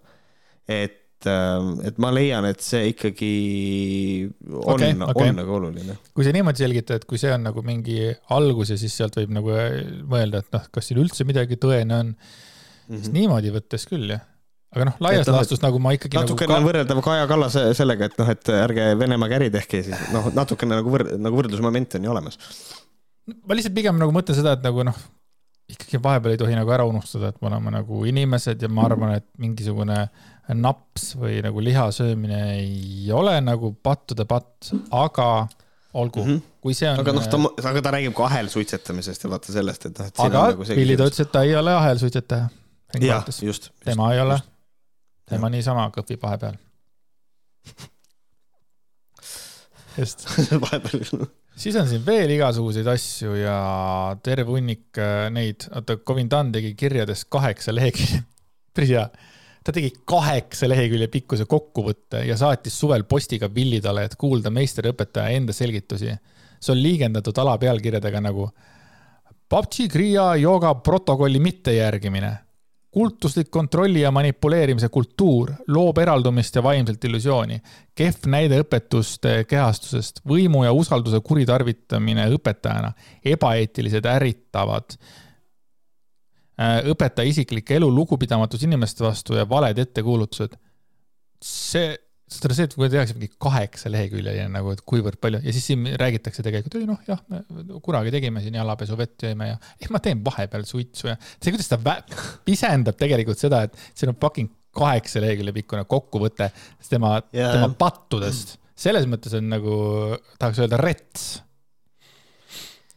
jah, et nagu mõnes mõttes tegelikult ikkagi tekib nagu see asi küll, et, ähm, et siin on nüüd tegelikult üks inimene on ka Viljedo kaitseks välja astunud, räägime sellest ka kohe põgusalt, et äh, aga, aga siin, et noh, kui tegelikult ei jää muud üle, kui ikka uskuda, et nagu need asjad leidsid aset, nii palju oli kirju äh, ja siis on tulnud sellised etteheited juba nii-öelda kõrgemalt poolt, et eks siin natukene see asi vist ikka lappesse läks, et mm -hmm. väike ahe suitsetamine võib-olla. ja see on ka nagu pull, et, äh, et Covindani sõnul palus ta pärast kirjade lugemist üheksandal juulil Ingvar Villidel tagasi astuda Äh, viis päeva hiljem pakkus Villido ise varianti, et võtab üheaastase sabati, mille jooksul ta ei õpetaks Babachi kriia joogat. ja siis see ongi, et äh, vastuseks tema ettepanekule teavitas ta viieteistkümnendal juulil aasta kirjas, et sabat on meie juhatusele vastuvõtmatu, kuna see tähendab, et ta saab teenistuse eest raha. et yeah. Äh, noh, noh, tuleb, tegelikult tuleb proovida see on ikkagi, tahab keegi sind lahti lasta, siis kurat, parem koonda mind ära, vaata, siis ma saan mingisugusegi raha vaata. ja ei, aga vaata, see ongi see, et kuule, et aga küsi ja sulle antakse puu, kõik asjad klikivad, alistumine, küsimine, kõik asjad, selles mõttes on kõva. jah yeah.. Vot, ma ei tea, kas me hakkame Ingvar Pillida üldse neid vastuseid siin lugema või on sul mingisugune ma... lahe asi, mis sa tahtsid võtta? ma nagu ütleks, et vist, et nagu tegelikult ei ole, et äh, võib-olla asi, mis on huvitav, on, on see Helena Lass, kes Villido kaitseks välja astus. et äh, ma, ma nagu loeksin selle kirja nagu ette iseenesest, et äh, arusaadav, kui artikli tulemusel tekib suhtumise eelarvamust, sest sõnu saab moonutada, asju saab kontekstist välja võtta ja üldse, mida või keda tänases maailmas uskuda, ainult oma silm on kuningas. artikli osapooled on mulle ja teistele praktikutele teada, peamine neist on joogaõpetaja, eh, sama joogaliin, kes circa aasta tagasi laiendas oma äri ja hakkas õpetama emotsioonide vabastamist ühe teise meetodi järgi. kui ma loen, siis mõtlen kes meist ei püüaks hoida elus häid suhteid ja ometi tuleb aastate jooksul isegi ka mõne ka kõige kallimatega aeg-ajalt etteütlemisi ja arusaamatusi. mis siis veel kolmekümne aastaga? ülesse on loetletud paturegister, mis on tänapäevases kontekstis pigem konservatiivne, ei midagi pahviks löövat. väga raske uskuda, võttes arvesse, et seal on nagu mingisugused mudaga loopimised ja mingisugused, aga okei okay mis selle kõrval, äh, mis on selle kõrval näiteks sütelkõnd, mida mingil perioodil laialdaselt tehti? osad lääne kultuuris crazy'na paistvad aspektid on joogas traditsioonilised tseremooniad, mis annavad soovijale võimaluse sügavalt isiklikuks praktikaks. Nende tseremoonia osade kaasamine ja õpilas, äh, on õpilaskonnas alati olnud osalejate enda soov, mitte Ingvari oma. nii, ja nüüd on lihtsalt nagu mitte midagi muud mul kui see, et selle vastuse juures on hästi probleem, mis on jälle sektile väga omane et noh, tegelikult sa peaks ise koha peale tulema, et seda asja nägema.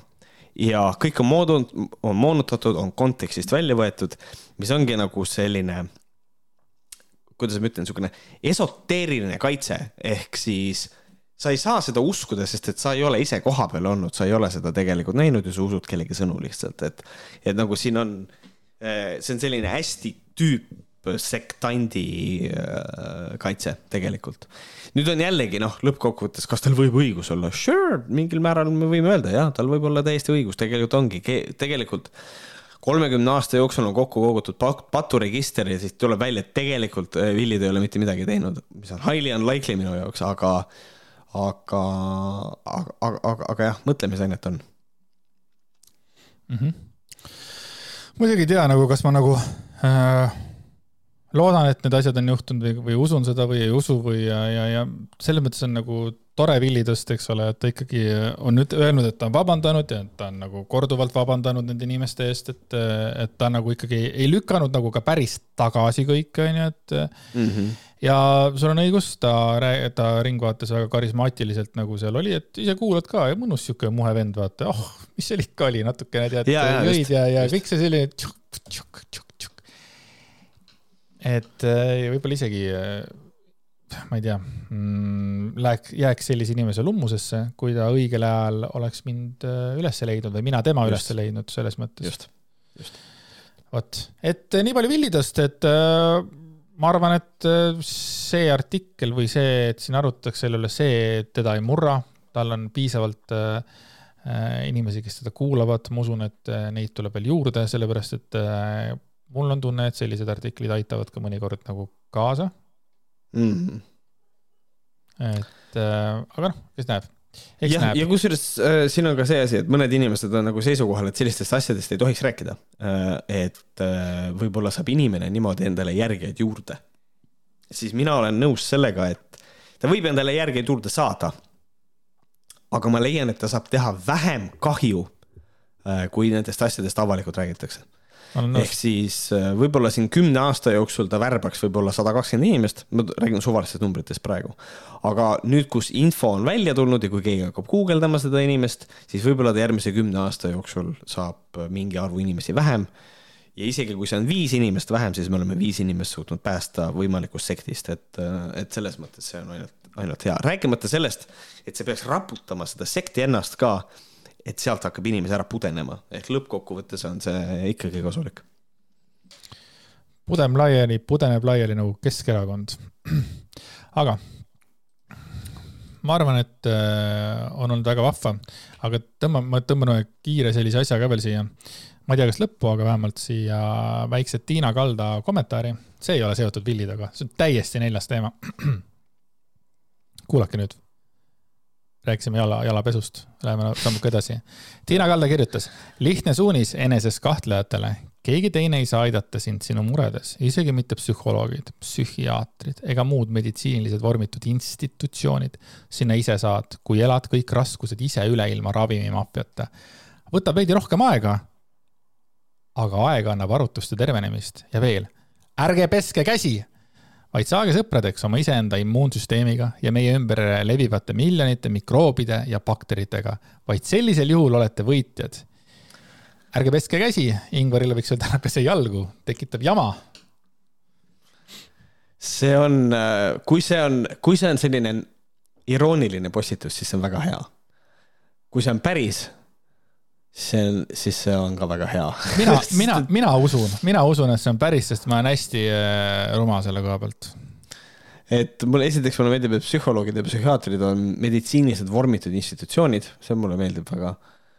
Äh, ja ongi, et mitte keegi ei saa sind aidata, see on väga hea asi, mida kuulda, kui sul, kui sa oled elus uhu, raskes kohas, tead, mitte keegi ei saa sind aidata ja palun ära pese oma käsi kuule nüüd, oota mul on tunne, et see ikkagi on tõsi, sellepärast et näiteks kui ma vaatan Tiina Kalda Facebooki, siis siin on näiteks neli tundi tagasi tehtud äh, sellest gem, gem, chemtrailidest on siin postitus ja, ja siis on EKRE tüüpide asju jaga, jagatakse. Ja et siin ikkagi on vist conspiracy theorist. siis on pekkis. Et see ei ole, ja, ja, ja siin on järjest on kõik need äh, taevapildid, vaata see, kus on meid mürgitatakse Chemtrailid on tagasi, väga lahe. see on väga lahe, jälle. kalli, kallis sõber Märt, kas sa tahad võtta ka veel energeetilise naudingu trenni naistele Tartus või ei taha? Ehm, ei taha, tundub, et läheb, tundub, et läheb liiaks ja viib võib-olla natukene fookust äh, ära meie kahelt väga suurelt teemalt, millest on üks on sekt ja teine on äh, inimene, kes õpetab äh, asju, mida ta on lugenud ühest raamatust. et ma arvan, et on täiesti hea koht, kus kohas otsad kokku tõmmata Äh, päeva mõte on ka juba kõlanud, ärge peske käsi. nii, nii kurb, kui see ka ei ole. mul on, mul on et... veel üks ikkagi, üks poliitiline mõte ikkagi, aga räägi kõik ära ei, räägi kõik oma äh, jutt ära enne, kui tšau-tšau. aa ei, mis asja, mul oli, äh, mul oli lihtsalt see, et Andres juba tegi väga suure ja väga põhjaliku reklaami osa alguses ära, aga ikkagi siin saate lõpus, kes veel ei ole liitunud meie Patreoniga ja tunneb, et see on asi, mida ta tahab teha, hüppaga pardale. iga, iga nädal Võhkarite saade. mina arvan, et see on mina arvan, et see on seda väärt. aga Andy, palun. no praegu siin toimuvad äh, igasugused kõnelused, alati on Reformierakond on puldis, tundub, et äh, Reformierakond ei lähe puldist ära, sest et noh, they never go away. aga Malle Pärn on näinud ka midagi head. Malle Pärn kirjutas, mis toimub? mu kass jooksis just aknast mööda, priske orav hammaste vahel. on veel lootust? tšau. tšau